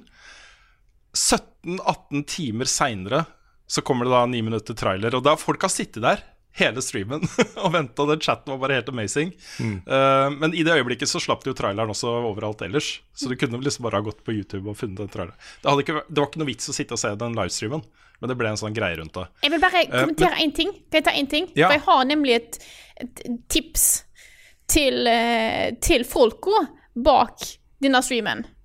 Til inkludert Hidio Kojima. Fordi hvis du hører på nå, Hidio Kojima, så kan ikke du gå ut på Twitter og si at det kommer noe 29. mai i Europa og 30. mai i Japan. Når du gir ut noe fem minutter før det har blitt 30. mai i Japan. Fordi at da satt jeg klar og tenkte ok, det kommer ikke før klokka seks norsk tid. Og så begynte de faen meg før! Ja, vet du hva jeg tror skjedde der? For de begynte å sende den der traileren i loop bak disse hendene. Og de hendene ble liksom mindre og mindre, og man kunne se mer og mer av traileren. Og plutselig kunne man sitte der og se hva som faktisk foregikk. Jeg tror de innså det, og bare skrudde av de hendene tidligere enn de hadde tenkt. Ja. Bare for å gi folk et ordentlig inntrykk. Da, bare gi, jeg, jeg tror det. Men det jeg hadde tenkt å be dere om å gjøre, var å fortelle meg om plottet i Death Stranding. Hva er det Death Stranding går ut på? Oi. Jeg har litt lyst til å finne det der eh, meme-bildet du la ut på Facebook, som er helt fantastisk. Det er fritt fra hukommelsen fra det dere har sett. Yes. Ok, hvem, hvem skal begynne, Frida? Mats Mikkelsen er ond. Han kan revive døde folk fra ei svart myr, men da renner det fra øynene hans. Og så går de rundt i noe krigsområde, mens uh, The Hero er nødt til å Reedus må gå rundt med en baby og med en rar sender på ryggen og levere noe greier. Men jeg har lest litt om det etterpå, da. Så jeg har jo sett det er noe, det er noe eh, mur rundt noe by, og han skal bygge noe brød. Ja, det er en ting. Fordi Norman Reedus spiller da en som heter Sam. Og han har en eh, Jeg tror det er en mor som er president av noe. Enten president av USA eller president av et selskap. Og sier at eh, 'you ain't president of jack shit', eller noe sånt, til du når du ligger i en seng og ser ut som kanskje hun skal dø, eller noe sånt. Og så er det jo da et veldig fragmentert samfunn, hvor folk har bygd vegger rundt seg sjøl. Så han er da en mann som går rundt in the wilderness med en svær baby, som du sier, og en, og en eh, stige som kan bli veldig stor. Så han kan klatre oppover svære fjell og sånn. Og han skal da bygge bruer mellom disse samfunna. Det er et tau på et eller annet nivå som sikkert kommer inn og blir viktig. Og så um, er det jo da disse babyene som på en eller annen måte beskytter han når han krysser over til den andre siden. Og det ser ut som det er litt sånn Stranger Things. For det er noe svarte vesen og noe kanskje hashtag aliens. Ja, jeg, jeg får inntrykk av at dette er liksom verden til de døde, eller et eller annet sånt. da At det er noen, eh, noen, noen ghosts eller noe sånt, som også har sånne umbilical cords, som det heter. Sånne navlestrenger knytta til diverse ting i bakken. De er sånne skyggevesener som prøver å ta han, men han har denne babyen. Og den babyen gir en thumbs up, og det går nok kjempefint når han har den babyen. Ja, det er helt herlig å høre på dere. Det er, liksom, det er morsomt fordi eh, nå har vi fått et eh, greit inntrykk av gameplayet i Death Stranding for første gang. Vi har sett liksom eh, Sam gå rundt eh, i The Wilderness med folk som jakter på han, og han kan både liksom stikke av og han kan slåss med de og, og sånne ting. Også Det er en sånn type action-elementer med litt stealth og sånne ting der. Uh, og så har du sett uh, litt mer av storyen og hva som foregår. Og det er litt funny, fordi den babyen han går rundt med, får du se til slutt. Det er trolig da Mads Mikkelsen som har lagd den babyen. På en eller annen måte. Fordi du ser jo han i et sekvens helt på slutten, hvor han står og snakker til den babyen. Og det ser så jævlig bra ut. Jesus Christ. Ja, det ser fantastisk. Uh, men det som skjer da når du dør, er jo at døden er jo ikke slutten. Da kommer du til det Det ser ut som første verdenskrig eller noe sånt. Sånn eh, skyggeverden. Uh, og babyen er da verktøyet du må bruke for å komme deg tilbake til virkeligheten. Eh, og det som skjer da i den eh, skyggeverdenen eller den krigsscenarioet, krigsscenario, kan påvirke hva som skjer i, i, i dagens verden også. Eh, men dette er jo et postapokalyptisk eh, samfunn. Eh, hvor, eh, som du sier, Carl, menneskene er liksom ad, adskilt fra hverandre både fysisk, geografisk, men også eh, eh, på en mer sånn personlig plan. Da. Så eh, du får liksom beskjed da om at Sam er en, en brobygger her, en som skal linke mennesker til hverandre. Uh, han også, Kojima har også sagt litt om multiplayer-aspektet her, hvor du skal kunne legge ut uh, beskjeder til andre spillere, som i Souls-spillene, Uh, og også liksom gi folk tips da om hvor ting er, og ka, hvor du kan finne ting, og hva du kan gjøre, og sånne ting. Så du er på en måte i en slags dialog da med mennesker du ikke ser hele tiden. Um, det, eh, det er også Det er bare det, det er noe av det feteste jeg har sett. Jeg kan ikke vente på det spillet nå. Det kommer 8. november, folkens. Ja, det er på en måte Det er alt det rare fra Metal Gear Solid Ja, uten det håndfaste, føler jeg nå. Nå har, jo ikke, har jo ikke spillet kommet ennå, så det er vanskelig å si hva, hvor, hva det håndfaste kommer til å være. Men det er liksom Det er Hidio Kojima skrudd opp til 1000. ja. Eh, også i navn på karakterene. Det Ja. fins en figur her som heter Die Hard Man. og det er, eh, det er to damer. Hun ene heter Fragile, og hun andre heter Mama. Mm. Jeg så en twittermelding på det. 'Paging Dr. Freud'. Ja, det er noe litt sånn Freud i det der. Um, ja, det er vel også en sånn Hardman eller Dieman eller et eller annet sånt også, Mm. tror jeg. Så det er jo Ja. Die Hard Man og en annen man. Altså, eh, Kojima har jo alltid fått mye kritikk for måten han skriver kvinneroller på i spillene sine. Og de er jo litt sånn Hvis du ser en del japansk eh, anime, så, så skjønner du litt hvor det kommer fra. Altså, det er, de kvinnerollene der er ofte litt sånn karikerte og eh, litt sånn sexistisk eh, laget, da. Ja, det, det er de. Det er eh, Han har jo liksom glinta til noen ganger, sånn som med Boss, Mm. som var en veldig god karakter. Ja, enig. Men, men veldig mange av de er uh, ikke det. Ja, for Boss var jo også uh, en morsfigur for, uh, for Snake. Ja, kanskje det er det. Han, enten så skriver han de dårlig, eller så skriver han de som mammaer. Mm. Ja, det kan hende. Nå, nå føler jeg rett og slett at jeg ikke trenger å se mer fra Death Stranding før det kommer ut. Også. Det er liksom, Vi har fått alle de der rare rare teaserne hvor man ikke skjønte en dritt av hva som foregikk. Nå har vi fått litt mer. Jeg, jeg vil egentlig ikke vite mer nå. Altså. Jeg håper at jeg kan gå inn i den opplevelsen her og fortsatt bli liksom overraska og ikke helt forstå hva som foregår og de tingene der. Det, det holder for meg nå. Er dere, er dere med på den, eller? Jeg Enig. er helt, helt med på den. Vi har jo fått dato. Det kom i november. Eh, så nå syns jeg det, det var nok. Det var greit. Ja. Mm. Det det er ser amazing veldig- ut. Jeg er også veldig glad for at jeg nå har spilt, og det er pga. Rune, at jeg nå har spilt Metal Gear. Ja. Jeg har fått med meg den serien. Eh, Jeg vet liksom en del om Kojimas eh, stil, så det blir dritspennende. Eh, Desto mer spennende for meg nå å se hva annet han kan gjøre når han ikke har liksom Metal Gear hengende over seg. da Mm. Det er en helt ny ting. Og han går bare super weird Og det er kult. Altså, PT skulle jo være den frigjøringa hans fra Metal Gear. Endelig, allerede i Metal Gear Solid 2 så begynte han å snakke om at han følte seg fanga av den serien. At alle, Mm. Og det handler jo at- serien om også. Ikke sant? Særlig Metal Gear Solid 4 er jo sånn derre Vet du hva, nå bare dreper vi alt. Vi legger det dødt. Jeg Mm. legger det bak meg, sånn at jeg kan gjøre noe annet. Endelig, vær så snill, please. Ja, hele tematikken i det spillet er liksom bare alle er slitne og vil ikke mer, men de må ut i krig, og de må ut, ikke sant? Ja, ja. Det er jo, det er veldig tydelig hva han vil fortelle. Ja, Han snakker jo om seg selv og sitt eget forhold til den serien og det presset som han har følt fra, fått bokstavelig talt fra Konami til å fortsette og alle de tingene der. Men han Mm. ville jo lage noe nytt, og PT skulle jo bli den nye tingen hvor han bare gikk bananas ikke sant? med nye ideer og friske impulser og alt dette her. Ja. Så ble den skrinlagt av Konami, de ville ikke ha det. Jeg håper det er noen sånne meta-vrier på Death Stranding, sånn som han er kjent for. Mm. For du hadde jo liksom den, den klassiske minnekortet i Metal Gear Solid 1. Ja. Og det at eh, en karakter blir avslørt via en rulletekst i et av spillene. ja da. Og liksom eh, The End-bossen i, i treeren, den svære stigen, altså alle de der rare tinga.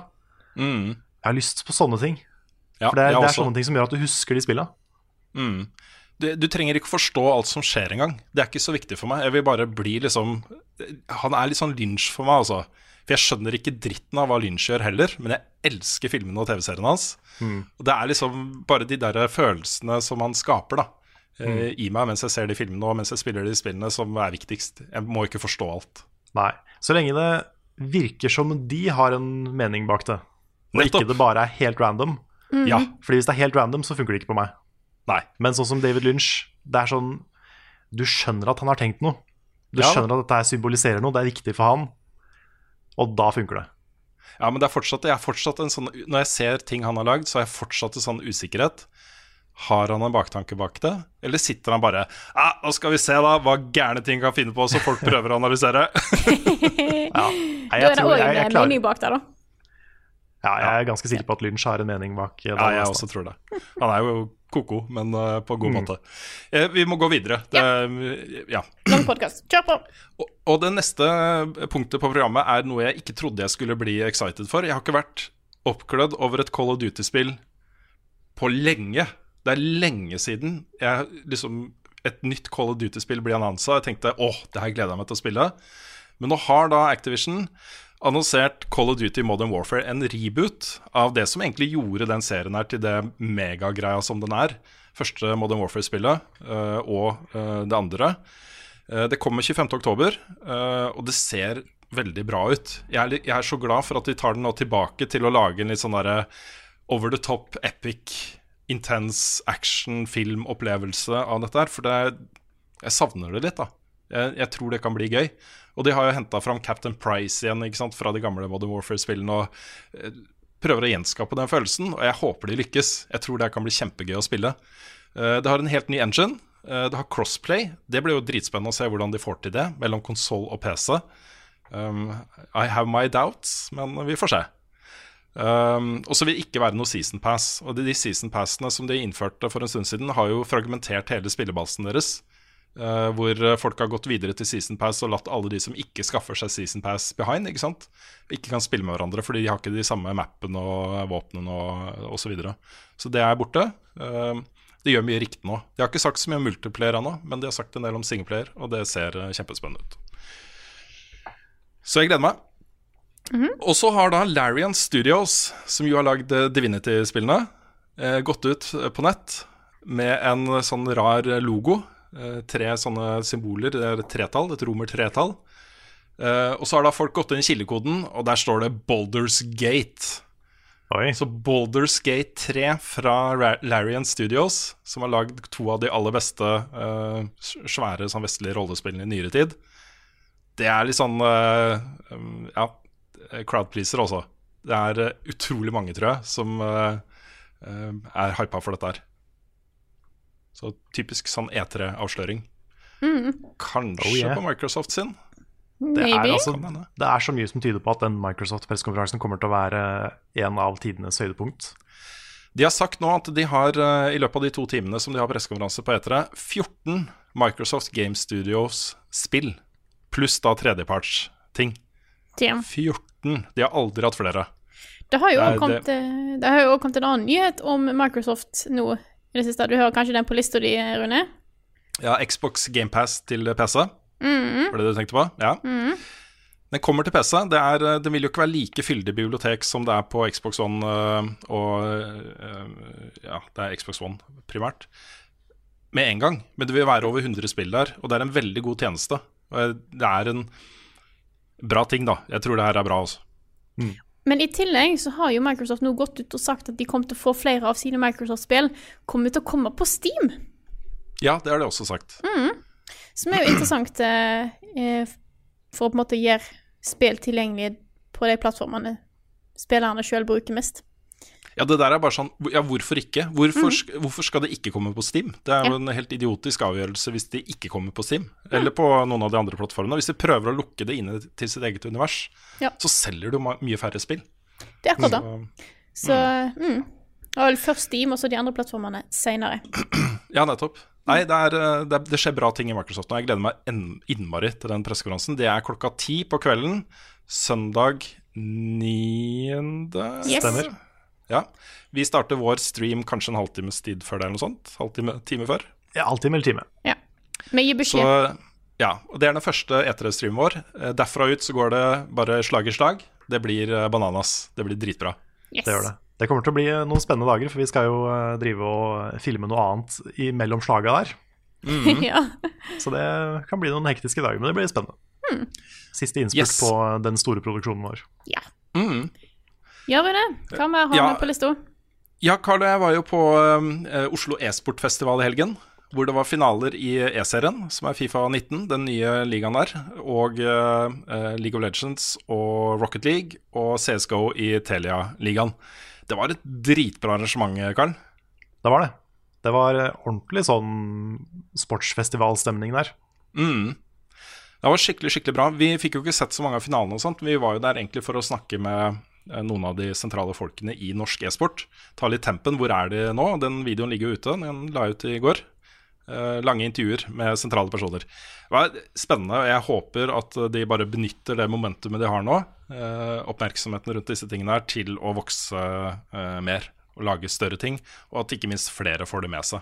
Fordi de finalene der, jeg har kikka på de etterpå, på VGTV, var utrolig dramatiske. Sånn ordentlig dramatiske, med store upsets. Det var ikke favoritten som vant. Eh, det var dritbra, rett og slett. Så ja. Anbefaler det også. Eh, jeg har et par ting til på lista her. Eh, en som jeg skal ta litt kort. Iron Maiden. Bandet Iron Maiden saksøker nå utviklerne av spillet Ion Maiden. Ion Maiden. Ja. Det er jo helt åpenbart at Iron Maiden har tatt navnet sitt fra Iron Maiden, men skader det merkevaren Iron Maiden at de har gjort det? Lurer Men- Nei, og så er jo altså, Iron, ikke- en Iron Maiden er jo en ting. ja, det er jo en ting. Ja, men den logoen ligner litt også. Den er litt samme Ah. fonten de har brukt og sånne ting. Da, da er jeg enig. Da begynner det å nærme seg et eller annet. Uh, men mm, hvis det Jeg syns er bare fortsatt det er en navnet dick move altså. Ikke gjør det. Ikke skikkelig- saksøk et lite indiespill for to millioner dollar. Altså, hvis det er Det går ut fra at det er noe parodi i det, tror du ikke det? Nei, det er bare Det er litt metal, det spillet. Ja, ok. Så jeg tror det er bare at de har kommet på et kult navn. Ja, altså, jeg, jeg tenker det er en søt referanse. Ja, jeg også tenker det. Alle tenker det. Ja. Ja. Nei, det er kjipt. Det er eh, kjipt. Jeg skjønner at folk vil beskytte merkevaren sin, men eh, på akkurat dette her, bare, de, de burde bare latt det ligge, altså. Så jeg håper ikke det ødelegger for eh, utviklerne av Iron Maiden. Det er jo ingen Um, spillere som tenker at oi, det må være korrelert til bandet. Det er jo ingen som gjør det. Nei, det er ikke det, altså. Greit. 6. juni, det er ikke lenge til, folkens. Det er neste torsdag. Under en uke kommer Journey til PC. Oh yeah. Det må folk få med seg. Altså. Hvis ikke du har spilt det. Det kommer jo da på Epic Game Store, bare der. Så dere må kanskje svelge en kamel eller to for å få det til. Men eh, um, det er et spill som jeg gleder meg til flere får oppleve. For det, det er Blant noe annet av det Ja. Ikke sant? Det, jeg vet om mange som ikke har spilt det fordi det bare var ute på PlayStation 3 og etter hvert 4. Da. Eh, men eh, det er, det er så nydelig, altså. Det er så bra. Um, ja, så sjekk ut det. Og så tar jeg en siste nye sak som et eh, spørsmål fra en eh, kjære lytter, René B. Lindberg, eh, som spør tanker om Pokémon Home, Detective Pikachu til Switch, Pokémon Sleep med ny dings eh, og Pokémon Masters til telefoner. Og han viser da til eh, Nintendo Directen, som var uka som gikk, eh, med nye Pokémon-nyheter. Jeg kan ikke så mye om disse tingene, jeg har ikke sett Directen og sånn, så da må jeg satse på at en av dere vet mer om de tingene der. Ja, jeg, jeg så den. Det var, det var ikke en direct, men det var en sånn Pokémon-pressekonferanse. Ja, nettopp. Og det var, det var jo hovedsakelig de fire tinga som kom ut. Eh, Pokémon Home er jo en sånn oppgradert versjon av Pokémon Bank, virker det som. Hvor du kan da samle eh, alt du har av Pokémon fra 3DS-spilla helt tilbake til Game Boy Advance hvis du kjører alle de stepsa for å få dem inn på nye spill. Eh, du, kan, du kan importere fra Pokémon Go og Let's Go. Så det er, på en måte, det er en måte å samle alle Pokémonene du har, eh, for Sword and Shield, da, mest sannsynlig. Og det er kult. Det er greit at liksom til og med Pokémon Go eh, blir integrert der. Og da slipper du liksom leave someone behind, ikke sant? Og det er jo det som er litt fett med Pokémon. At du nå, i 2019, fortsatt kan bruke de Pokémonene du hadde for kanskje snart 20 år siden. Det er litt unikt. Og det er ganske kult at de opprettholder. Det da. Så eh, det var kanskje det jeg ble mest eh, happy for. At det kommer en sånn tjeneste som erstatter Pokémon Bank. Men så var det jo Pokémon Sleep. Har du skjønt hva det er for noe? Har noen skjønt hva det er for noe? Jeg tror ikke det, men jeg tolka det da som at det er en eh, Ja, for det er jo ikke, det er ikke connecta med Pokémon Go, det er noen andre som lager det. Mm. Og så er den der eh, dings pluss pluss. Ja. Det er sikkert en eller annen form for eh, connection der. Ja. Men eh, så vidt jeg skjønner, så kan du da uh, levele Pokémonene dine mens du sover. Ja, fordi dette utgangspunktet her, sånn som jeg forsto det, var jo Altså, dette er jo et reelt problem i samfunnet i dag. eh, At folk ikke sover nok. Og det merker du med meg selv. Jeg sover ikke nok. Jeg burde ha sovet i hvert fall én time til hver natt. Men jeg er så glad i den ekstratiden jeg får da, av å ikke sove. Um, hvis du har et godt søvnmønster, så gjør det det bedre i Pokémon Sleep? Er, er det, har jeg misforstått? Nei, jeg tror, er, jeg tror det er riktig. Og, og jeg har tenkt litt på det, og jeg tror de er inne på noe. Fordi det er som du sier, folk har, eh, veldig mange folk, inkludert meg, har et litt usunt eh, søvnmønster. Og for noen så kanskje det, kanskje det hadde hjulpet med en bare sånn liten motivasjon til å gå og legge seg, for det første, og også til å komme seg opp om morgenen, hvis man sliter med det.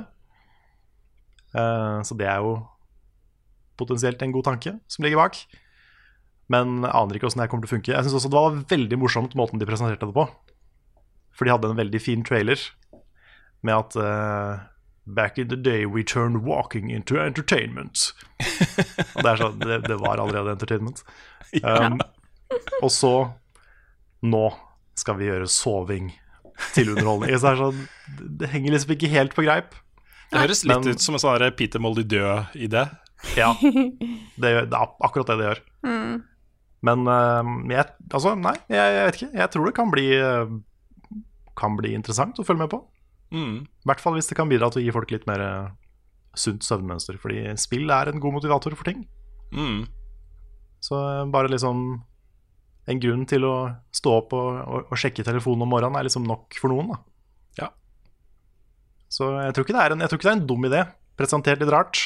Ehm, og sikkert og veldig lett å tulle med. Men, eh, Mm. men det er kanskje noe der. Jeg tror det. Eh, har du noen korte ord om Detective Pikachu og Pokémon Masters? Pokémon Masters var uh, det, det så ut som et For det var det som Dena lager. Vet ikke helt hva slags type spill det blir, men det ser ut som det er en sånn Allstars uh, Pokémon gymleder-type greie. Har ikke fått helt inntrykk av hva det gikk ut på. Men eh, så ut som en litt sånn typisk fanservice-spill. Um, og så var det tilsynelatende da, en oppfølger til eh, Detective Pikachu på Switch. Ja, nettopp. Nå syns jeg ikke det første Detective Pikachu var spesielt bra. Nei. Jeg likte filmen veldig godt, men spillet syns jeg var litt, eh, litt for enkelt og laga for veldig små barn. Som for så vidt er greit, men, eh, men ikke helt eh, up my alley. Nei. Men uh, who knows? Kanskje siden filmen gjorde det såpass bra, så blir oppfølgeren mer spennende. Jeg har en aller siste ting som vi kan nerde litt over hvis vi vil. Og det er jo at uh, Square Enix har jo sagt nå at Marvels Avengers kommer til å bli avduka på pressekonferansen deres på E3. Og det skjer jo da natt til tirsdag. Yes. Vi har ikke sett noe fra det ennå, men de har sagt at det er et Games as a Service-spill, en persistent verden, hvor du kan skreddersy din egen rollefigur og spille på lag med tre andre. Um, det, er egentlig, det er det eneste vi vet. Det høres jo litt ut som sånn Destiny Warframe-type oppsett. Ja, jeg spilte DC Universe Online Ja, i gamle dager. Hvis det er litt i gata med det, så Men det var veldig MMO, da. Dette er, Mm. dette er sikkert mer et Jeg vil tippe det er mer et actionspill, jeg tror det, jeg også. men uh, spennende. Mm. Jeg har en følelse av at Square Enix kommer til å gjøre det bra i år. Altså, på, Ja, det kan jo tenkes. Mm. Men Hva har dere mest lyst til? her? Har dere lyst til å spille som en av de kjente figurene fra Marvel-universet, eller lage deres egne? Etter uh, erfaring med Sonic Forces så vil jeg gjerne bare spille en av de som finnes. Jeg kan ta en av de. Jeg kan spille Iron Man, jeg. Jeg er fornøyd med det. Jeg er litt sånn på Why Not Both, Mm. fordi jeg elsker å lage superhelter. Det var det morsomste i DC Universe. Vi lagde oss Captain eget, eget Trenchcoat univers. Man. Vi hadde jo Bathroom Boy, hadde vi, som Ja, helten. Og så hadde Ja. vi den slemme versjonen av Bathroom Boy, som heter The Flush. jeg kan se Og- gleden i dag, ja. Ja, Doctor Living Room. Og det var så utrolig mange sånne uh, superhelter som vi ble litt glad i. da Mm. Commander Caps Lock var der. Det var veldig mange fine. Altså, det, var så, det var så gøy å lage de. Så det gleder jeg meg til, hvis det er sånn. Mm. Hvis det er en skikkelig bra character creator, og det må det være. Ja, jeg har en mistanke om at du kan gjøre det, men jeg tror også at du også Kanskje det kan være sånn at du kan bruke noen av de kjente Marvel-heltene som heroes da, på laget ditt, f.eks. Som en eh, ikke-styrbar figur eller et eller annet. Altså, jeg går ut fra Siden det heter Avengers, så må jo The Avengers være med. Ja. Kanskje det er sånn som Savala og de tårnene, ikke sant? Som bare står der og gir deg missions. Ja. Kanskje du velger factions. Mm. Er du, er du Team er Iron veldig- Man eller Team Cap? Ja. Jeg er veldig spent. Jeg tror, eh, jeg tror det her blir et bra E3, selv om ikke Sony, Sony er med i år. Absolutt. Men altså, for min del, da hvis eh, Square Enix bare kjører på med Final Fantasy 7 Remake, med Avengers, med delsett Kingdom Hearts, kommer til å regne penner, ass. Kommer Ruen sin standup på DVD, eller? Jeg selger jo et guttenavn. Hva er det vesle karet sitt? Hvilket språk snakker Frida egentlig? Hvorfor er Mario rørlegger? Vi skal ha spørsmål og svarspalten. Vi har fått inn masse spørsmål. Jeg har lyst til å starte med en eh, som jeg nesten hadde glemt å hente fra, men her er han. Dette er fra Sigve Ruud Dankel, som skriver Så det har blitt en trend på Twitter å nevne de fem filmene man har sett flest ganger. Derfor lurer jeg på hva fem spill dere har spilt flest ganger. Og jeg tror her har vi litt sånn definisjonsspørsmål i tillegg. For da, hvor mange ganger vi har spilt et spill, tenk vi da spilt gjennom spillet, eller bare hvor mange ganger vi har tatt opp og spilt av spillet. Spilt gjennom Spilt historie med en slutt. Ja. Oh, ja, ok. Jeg, jeg tenkte timer, jeg nå, men ok. Nei, for det, Ja, det, er ikke, det er for det, er ikke, er ikke spilt lengst, det er spilt flest ganger. Ja. Ja, For da kan jeg ikke si liksom Minecraft og sånn, da. Nei, det er det jeg jo innså. Nei. Men jeg har satt opp ei liste, skjønner du, så jeg kan gjerne ta og begynne. Ja. Em, denne er prega av at jeg har Fader, da må jeg ta vekk det ene spillet, for da tenkte jeg Nei, vet du hva, jeg kan, jeg kan si det òg. Det spørs hvordan jeg definerer det, og jeg har lyst til å definere det sånn. Yes. Jeg har en tradisjon med at hver gang jeg er på hytta, så spiller jeg gjennom en del spill vi har på Sega Megadrive. Eh, og da eh, preger da eh, lista mi en god, en god del. Så jeg tror vi kan begynne nederst. Så er det eh, Tiny Toon Busters Hidden Adventure på Sega Megadrive. Er det Hidden Adventure eller Hidden Treasure? Hidden Treasure er det vel, faktisk. når jeg tenker meg om. Ja. Busters Hidden Treasure. Eh, så har vi eh, en sånn top down space shooter som heter Truckston fra Sega Mega Drive, som er ikke nødvendigvis det beste i sin sjanger, men det var det jeg hadde. Så det er jeg veldig glad i. Og så er det Sonic the Hedgehog 1. Eh, alle disse tre på Sega Mega Drive, altså. Neste nå har, jeg velger jeg å definere spilt gjennom storyen som å ha eh, starta For dette, nå er vi tilbake på Sims, skjønner du. Eh, starta en karakter og spilt gjennom til den har dødd. naturlig syklus. Da blir det Sims 2. Og øverst så har vi Sonic Adventure 2. Det er som enestående topp. Jeg har lyst til å spille Sonic Adventure 2 med deg, Frida. Ja. Det, jeg har lyst til å se hvor god du er i det spillet. Jeg tror ikke jeg er god, skjønner du. Jeg bare kan alt. Eh, Ja, av dialog og ting og litt sånt. Ja, ok. Ja. Det er vanskelig å være god i det, for et kamera suger. Ja, det er sant. Ja. Ja, det er generelt et spill det er vanskelig å være god i, ja. ja. Men eh, It's ja. true. Mm. Kanskje du kan, eh, du kan liksom ha hver- så, sånne sock puppets, og så kan du framføre dialogen mens den går. Ja, jeg kunne, jeg kunne nesten gjort. Da hadde det vært ganske festlig. Mm. Men det var altså mine eh, topp fem mest spilte spill. Jeg gir ordet videre til dere. Hvem har lyst til å begynne? Rune? Ja, um, ja Jeg er ikke helt sikker på om den lista er korrekt. Det var de fem jeg kom på i farta, mm. men jeg tror den ikke er så langt unna. Eh, et av dem er Shadow of the Colossus, som jeg spilte gjennom flere ganger på PlayStation 2, originalen. Flere ganger da den kom i, i remastered HD-versjon, og flere ganger da den kom på PlayStation 4 remake. Den er oppe i kanskje 15-16-17 ganger totalt nå, så det, det er ikke så mange spill jeg, spill jeg har spilt så mange ganger. Og allikevel klarer jeg ikke å kjenne igjen en av de største teamlåtene fra Allikevel. Det som skjedde der, da, kan jeg bare fortelle hva som skjedde der. Vi er tilbake på nederlandslaget og den quizen. Trodde ikke vi skulle snakke mer om deg. Nei, men det som skjedde var at uh, da den låta kom, så visste jeg at jeg hadde hørt den mange, mange ganger. I hvert fall da 16-17, hvis vi skal tilbake på den. Men flere enn det også, fordi jeg brukte den i, i anmeldelsen min av, eh, av uh, remaken av Shadow of the Colossus. Det som skjedde, var at i mitt hode så var det en PlayStation 4-låt, og da kobla hjernen min helt ut. Og bare sånn vi, å, Og så kom jeg ikke på i farta da at eh, det kom en remaster. Ikke sant? Det var utrolig flaut, og det er fortsatt litt vondt. Apropos, jeg skal ikke dra det her Ja. veldig langt, men uh, jeg hørte jo på den podcasten. Ja. Eh, det ble jo uh, kasta ut en challenge til meg. Så jeg vil bare si, hvis dere hører på denne sangen, challenge accepted. Ja, det blir bra. Og hvis Carl får være med, så vil jeg òg være med. For jeg vil det Ja, ja, ja, ja. hevne meg, bare som sagt. Yes. Mm. Så dere, dere må mase. Jeg slapp å mase om å få bli med deg der. Det var veldig hyggelig. Det er en veldig hyggelig podkast. Veldig bra podkast. Og veldig bra folk.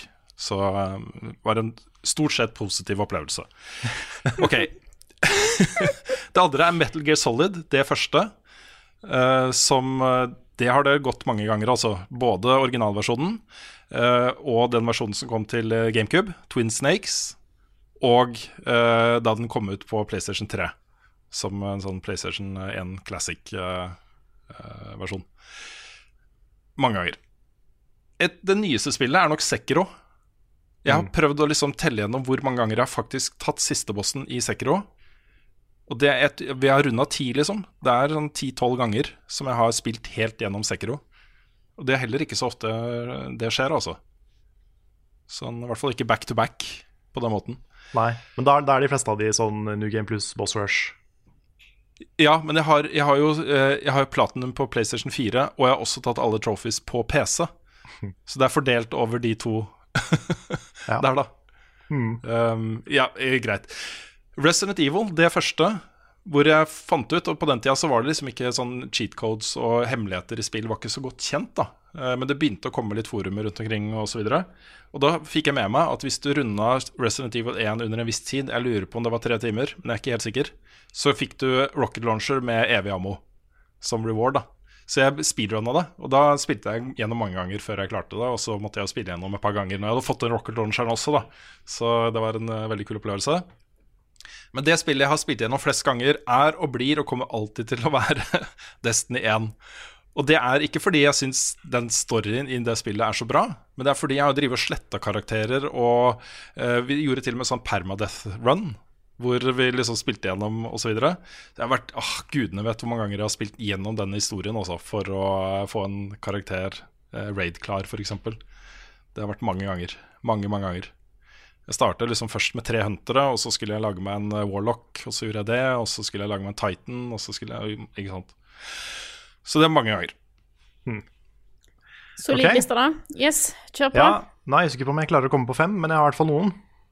Uh, for jeg har uh, Jeg vet ikke helt hvor mange ganger, men jeg har tatt alle 120 stjernene i Mario 64 en god del ganger.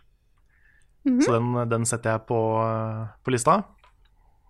Jeg har Bloodborne definitivt på lista. Det har jeg spilt gjennom eh, Jeg tror Jeg vet ikke hvor mange ganger, men, men mange. Tony Hawk 2. Den campaignen har jeg runda aner ikke hvor mange ganger. Jeg tror også jeg kan sette Worms Armageddon på lista. Um, selv om jeg har spilt det mest online, så har jeg også liksom kjørt gjennom den campaignen relativt mange ganger. Men på toppen, fordi jeg hadde veldig eh, få spill da jeg var liten, og fordi jeg var erkefan av Sonic-spill, så har jeg Sonic 3 and Knuckles. Det er en sånn her lang liste over uh, saves du kan velge i starten. Og jeg hadde 100% completion på alle sammen. uh, I tillegg så var det en kompis av meg som sletta de en gang. Og da lagde Oi. jeg 100, ko- 100 completion på alle igjen. For en bra kompis. Ja, han var ikke noe bra kompis. Nei. Han er ikke noen kompis lenger, for å si det sånn. Nei. Nei.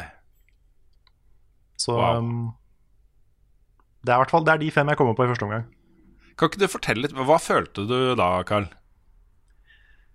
Jeg tror Altså, det var mye verre da fetteren min ved et uhell klarte å wipe hele minnekortet mitt på PlayStation 1. Oi. Ja, da har du nevnt før. Den er For da, da var det sånn mange hundre pluss timers eh, Final Fantasy saves og sånn. Det var mye verre. Men jeg tror da så var det greit, for da kunne jeg liksom Å, da kan jeg spille det enda mer.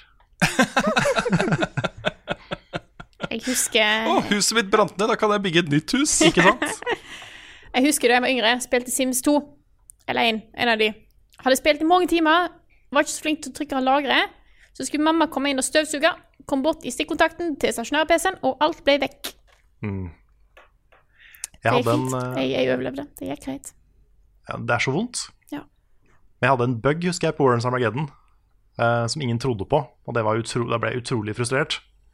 Fordi hver gang PC-en ble skrudd av uten at man fysisk gikk inn og klikka liksom avslutt Hvis PC-en, hvis liksom strømmen brøyt, eller hvis noen bare skrudde den av med knappen, så forsvant Worms Armageddon-saven.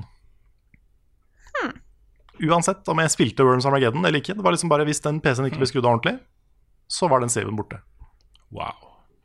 Og det var selvfølgelig noen kompiser som ikke skrudde av PC-en sin skikkelig.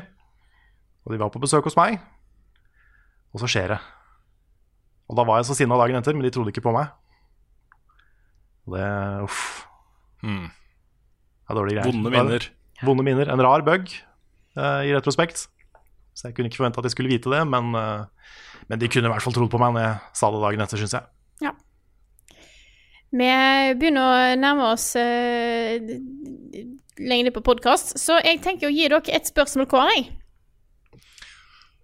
Ett spørsmål hver. Ja. Skal vi se. Kan jeg få to? Et kort et, og så et eh, kanskje potensielt litt lengre et? Det går fint. Ja, fordi det er mange som har lurt på dette. her Blant annet Gustav eh, Svartsund, som lurer på om vi kommer til å ha en gjennomspilling av Draugen. Jeg har ikke noen planer om det selv. Jeg, jeg, også det er såpass kort at, uh, at folk må i hvert fall få mulighet og tid til å oppleve det selv, tenker jeg. Og så syns jeg Mm. det er best å ha en sånn type gjennomspilling hvis det er første gang du spiller og nå har alle vi tre gjort det. Da Mm. føler du får ikke helt den samme opplevelsen. Nei. Så lang Let's Play på det. Altså, så vet jeg ikke helt hva jeg føler, på, føler om for eksempel hvis jeg skulle streama det. da Så er jo det hele spillet, nesten. Ja. Og det, jeg vet ikke om jeg har lyst til å spoile et helt spill på stream. Nei, Nei, jeg er er enig med deg i det. Ja, det var det korte. Skal vi se, det er litt lengre. Uh, uh, uh, uh. Eh, fra Johanne Martin Seland, som spør Når dere spiller chillespill, sånn type Minecraft, Stardew Valley, No Man's Sky etc., hører dere som oftest på soundtracket, eller setter dere på egen musikk, eller kanskje da podkaster? If so, hva avgjør om dere går for soundtrack eh, versus egne lydspor? Jeg går som regel alltid for soundtrack i spillet. Bortsett fra når jeg spiller WoW. Ja. Eller da jeg spilte WoW. Da var det spesielt på, på måte leveling og grinding. Da hørte jeg på eget eh, soundtrack. Da gikk det mye i Da hadde jeg nettopp oppdaga Dream Theater. Da gikk veldig mye i Dream Theater da. Men ellers så hører jeg nesten alltid på soundtracket som er der. Men du, det er inne på noe, du er inne på noe viktig der, eh, Frida. Fordi uh, når det er snakk om ren grind, hvor du skal bare skaffe ting, og det er kanskje ikke kjedelig nødvendigvis, men det er, det er tidkrevende, og det, du skal bare skaffe det fordi du trenger den ene tingen som du skal bygge, eller et eller annet. Så har jo ikke også lyden i spillet noe å si, egentlig. Så hvorfor ikke da sette på sitt eget soundtrack? Og det gjør jeg ofte med den type spill han nevner, da. Hvor, eh, hvor jeg gjør det fordi jeg trenger de materialene, f.eks., som eh, man får ut av det. Eh, da hører jeg på podkaster eller egen musikk. Men jeg sørger alltid for, uansett, da, å få med meg soundtracket til spillet før jeg begynner å liksom sone ut og gjøre mine egne ting ut av det. Hmm. Ja, For meg så kommer det an på for det første om det er noe dialog eller noe i spillet som jeg må følge med på. For da, da hører jeg på spillet. Og hvis det er veldig fin musikk, så hører jeg også på spillet. Men hvis det er ingen av delene, så kan jeg sette på en podkast. Det er, det er sjelden jeg Mm. setter på annen musikk, men jeg setter ofte på en podkast. Jeg har flere tilfeller, særlig No Man's Sky, da, som jo soundtracket til det spillet etter hvert det, Soundtracket der er jo dritbra. Eh, kjempebra. Utrolig mange bra låter og sånne ting. Men etter hvert uh, så begynte jeg å sette på moderat. Så moderat ble mitt soundtrack til No Man's Sky. Og jeg kan ikke høre den musikken uten å se for meg de planetene og fly rundt og, og sånne ting. Og det er litt, jeg syns det er litt kult, da. Uh, Men der skrudde jeg av musikken i spillet i menyene, så jeg hadde alle eh, lydene fra romskipet og sånne ambient-lyder og sånne ting, men musikken til moderat. Det var en utrolig kul, kul miks, altså.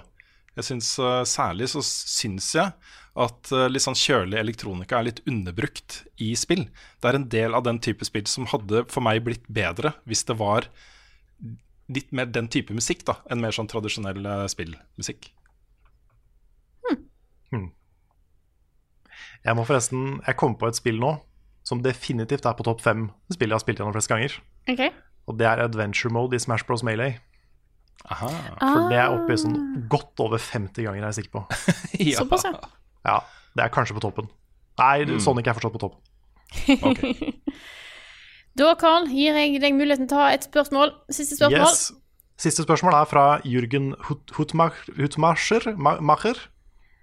Har dere tenkt på å ikke gi poeng slash terningkast til spill i anmeldelse?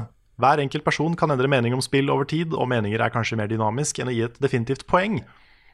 Dere har snakket om spill som dere kanskje har angra på poengsummen dere ga. Syns uansett det er interessant å tenke på. Det er en ting vi har diskutert.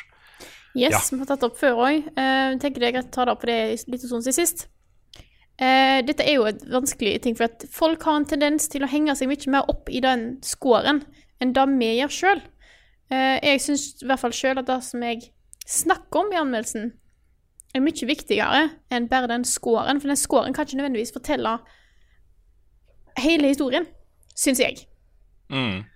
Nei, Nei jeg altså syns det er ofte vanskelig å gi en poengsum til et spill. I hvert fall et spill som har noen ting som trekker veldig opp, og andre ting som trekker ned. Sånn som Konaen, som jeg spiller nå, er vanskelig å gi en score til. Eh, jeg sleit jo veldig mellom Jeg jeg sleit veldig med hva jeg skulle gi Kingdom Hearts 3, som var en så liksom varm og personlig eh, opplevelse for meg. da. Um, den scores er liksom Det føles ofte som en litt sånn billig måte å rangere spill på. Mm. Men samtidig så er jo scoren veldig viktig for folk. Mm. Og det setter også Altså det er jo en veldig enkel pekepinn på om man liker et spill eller ikke, også. Absolutt. Mm. Jeg er litt delt på det, fordi jeg, jeg, er også enig, helt enig med deg, Frida, at uh, det må være mulig å snakke om spill og komme med anbefalinger eller ikke-anbefalinger uh, uten å henge det på en score, på en måte. Og så Den scoren er litt sånn Hva skal man si Tar ikke høyde for nyanser, da. Den er veldig bastant. Det er Mm. altså En score alene har ikke så høy verdi. Det er bare en knagg, liksom. Samtidig altså, liker jeg den knaggen. Altså, jeg liker det når jeg ser andre ting også. Jeg liker å ha den uh, terningkast eh, f Oi! John Wick 3 fikk terningkast 5 i Aftenposten. Det er kult. Eh, så var anmeldelsen ganske dårlig, da. men eh, men jeg, jeg, liker det, samtidig som jeg føler det er litt begrensende for meg som anmelder å ha den scoren. Så jeg er litt sånn Jeg vet ikke. Jeg føler at scoren har mest verdi hvis det er en tier eller en nier. Eller en ener eller toer. Mm. Alt imellom der føler jeg blir liksom Ja ja, det er et tall. Ja, fordi det, det, går, det kan funke litt sånn mot sin hensikt også. Når, du, når veldig mange spill får 7-8, f.eks. Så tenker folk at ja, ok, det er bra, men det er sikkert ikke noe jeg trenger å spille. Mm. Og kanskje du hadde elska det, ikke sant? Ja. Men, øh, men det er det. Det er liksom spill som havner litt sånn midt på Eller altså, nå er ikke 7-8 midt på treet, men, øh, men det er jo mange spill som er bra, som får 7-8. Mm. Um, og det kan være det nye favorittspillet til, mange, ikke sant? Men så Absolutt. tenker de at hvis ikke det får 9 eller ti, da, så er det ikke et must have-spill. Derfor så kan de droppe det. Men hvis Mm. vi hadde laga en video eller en eh, tekst eller hva som helst uten en score, så kanskje det hadde fått dem til å spille det. Det er sånne ting òg. Eurogamer har en mellomløsning som jeg har lisensen for. Hvor de gir ikke score, men de har tre nivåer av recommended. De har en bronse, en sølv og en gull. Og det er jo åtte, ni og ti av ti. Mm. La, la oss bare kalle en spade for en spade. men men er, det, er det egentlig vits å gi noen andre scores enn det? Og så skal man først liksom gi score. Fordi alt under det føler jeg at der er det ofte da eh, ting som trekker opp, ting som trekker ned. Noen vil sette mer pris på disse tingene enn andre ting. Uh, og prioritere annerledes enn anmelderen, da. Så eh, jeg vet ikke, altså. Jeg vet Nei, ikke. det, er, det er vel ikke en ting vi noen gang helt har klart å bestemme oss for, men vi har jo kjørt score fordi det er veldig populært å ha det. Så var det befriende for oss å gå over fra terningkast til uh, tier-skala. Det var det. Mm. Very much. Absolutt. Litt flere nyanser. Ja. Jeg vet ikke om liksom hadde anmeldelsene våre blitt mindre populære hvis det var uten score. Ja, det hadde de. Ja, jeg er, så, jeg er litt redd for det. Mm, jeg tror det. Jeg har uh, hørt uh, mange som, som snakker om det, som jobber med tekst, da. tekstanmeldelser. At folk leser jo ikke anmeldelsene. Eller mange leser ikke anmeldelsene. De scroller bare ned til scoren, Mm. og så er de ferdig, så går de ut. Ja, men jeg vet ikke om Er det et problem med tekst, eller er det også for video? Fordi det er, jeg tror ikke det er så mange som, som skipper til slutten av en video. Nei, kanskje ikke. Jeg tror kanskje det er et tekstproblem. Kan hende, altså. Men jeg vet ikke om eh, det likevel hadde gått ut, ut over oss. Vanskelig å si. Så Yeah. oppsummert med Score er vanskelig, Mm. men vi kommer nok til å ha det der fortsatt. Men Ja, hør på hva vi sier. Ja. Ja. Ja. Og jeg har veldig respekt også for de som velger å ikke ha score. Mm, Samme her. Og jeg, har, jeg kan liksom se for meg en fremtid hvor jeg kunne tenke meg å prøve det. Mm. Absolutt. Jeg har lyst til å ta et siste, siste, siste superkorte spørsmål. Bare sånn at vi har gjort det. Ja. Da er fra Tonje Lenore Reitan som skriver Kan vi få til en level up sommerfest?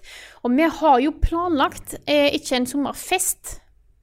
Jo da, det Men- blir en fest også. Det blir fest. Det blir, eh, Ja. det, ja, men det blir ikke sånn grill, grillfest, liksom. For det er det jeg ser for meg. Sånn, jeg tenker Nei, men du kan, du kan gå ut av lokalet og kjøpe deg en eh, pølse i lompe på eh, Deli de Luca, hvis Ja. du vil. For hva skjer? Nei, vi, jeg vet ikke hvor mye vi skal si, jeg, men det jeg har i hvert fall lyst til å si, er at hvis du er nysgjerrig på, eller gleder deg til det, det prosjektet vi jobber med nå, det, det Noscope-relaterte prosjektet som, Det svære, svære, svære Noscope-relaterte prosjektet. eh, Yes. Så kan det være lurt å holde av 1. juli. 1. Hvis du juli. er i Oslo-området. Yes. Mm. Det kommer til å være Eller har lyst til å reise til Oslo. Oslo-området. Eller lyst til å reise til Oslo 1. juni. Juli. Yes. Juli. Juli. 1. juli på kvelden fra seks. Det blir, eh, aller først så blir det mulig for patronbackere å melde seg på. Yep. Eh, og så kommer vi til å legge ut en offentlig event, så stay tuned for det. Ja, hvis ikke det blir utsolgt. Det er, ikke, det er begrensa antall billetter her, så Mm. det kan hende at det blir utsolgt. Men uh, ja, Stay tuned. stay tuned. Og med den litt, litt spennende informasjonen der, så tror jeg det er på tide å runde av denne podkasten her. Men vi vil først si tusen takk til dere som støtter oss på Patron. dere er fantastiske folk. Eh, så tusen takk for at dere, dere er, er her for oss. Tusen, tusen, tusen millioner takk faktisk denne gangen. Så hvis du har lyst til å hjelpe, være med og støtte eh, vårt arbeid, holdt på å si, eh, så er det bare å gå på patreon.com slash levelupnorge. Da, da, da får du òg eventuelt tilgang, eller etter hvert tilgang til disse til den, Før salget til denne spennende eventen, så vet dere da. Yes. Og med det så sier jeg tusen takk for oss, og takk for at du har hørt på denne episoden her av Level Backup, og så snakkes vi igjen neste uke.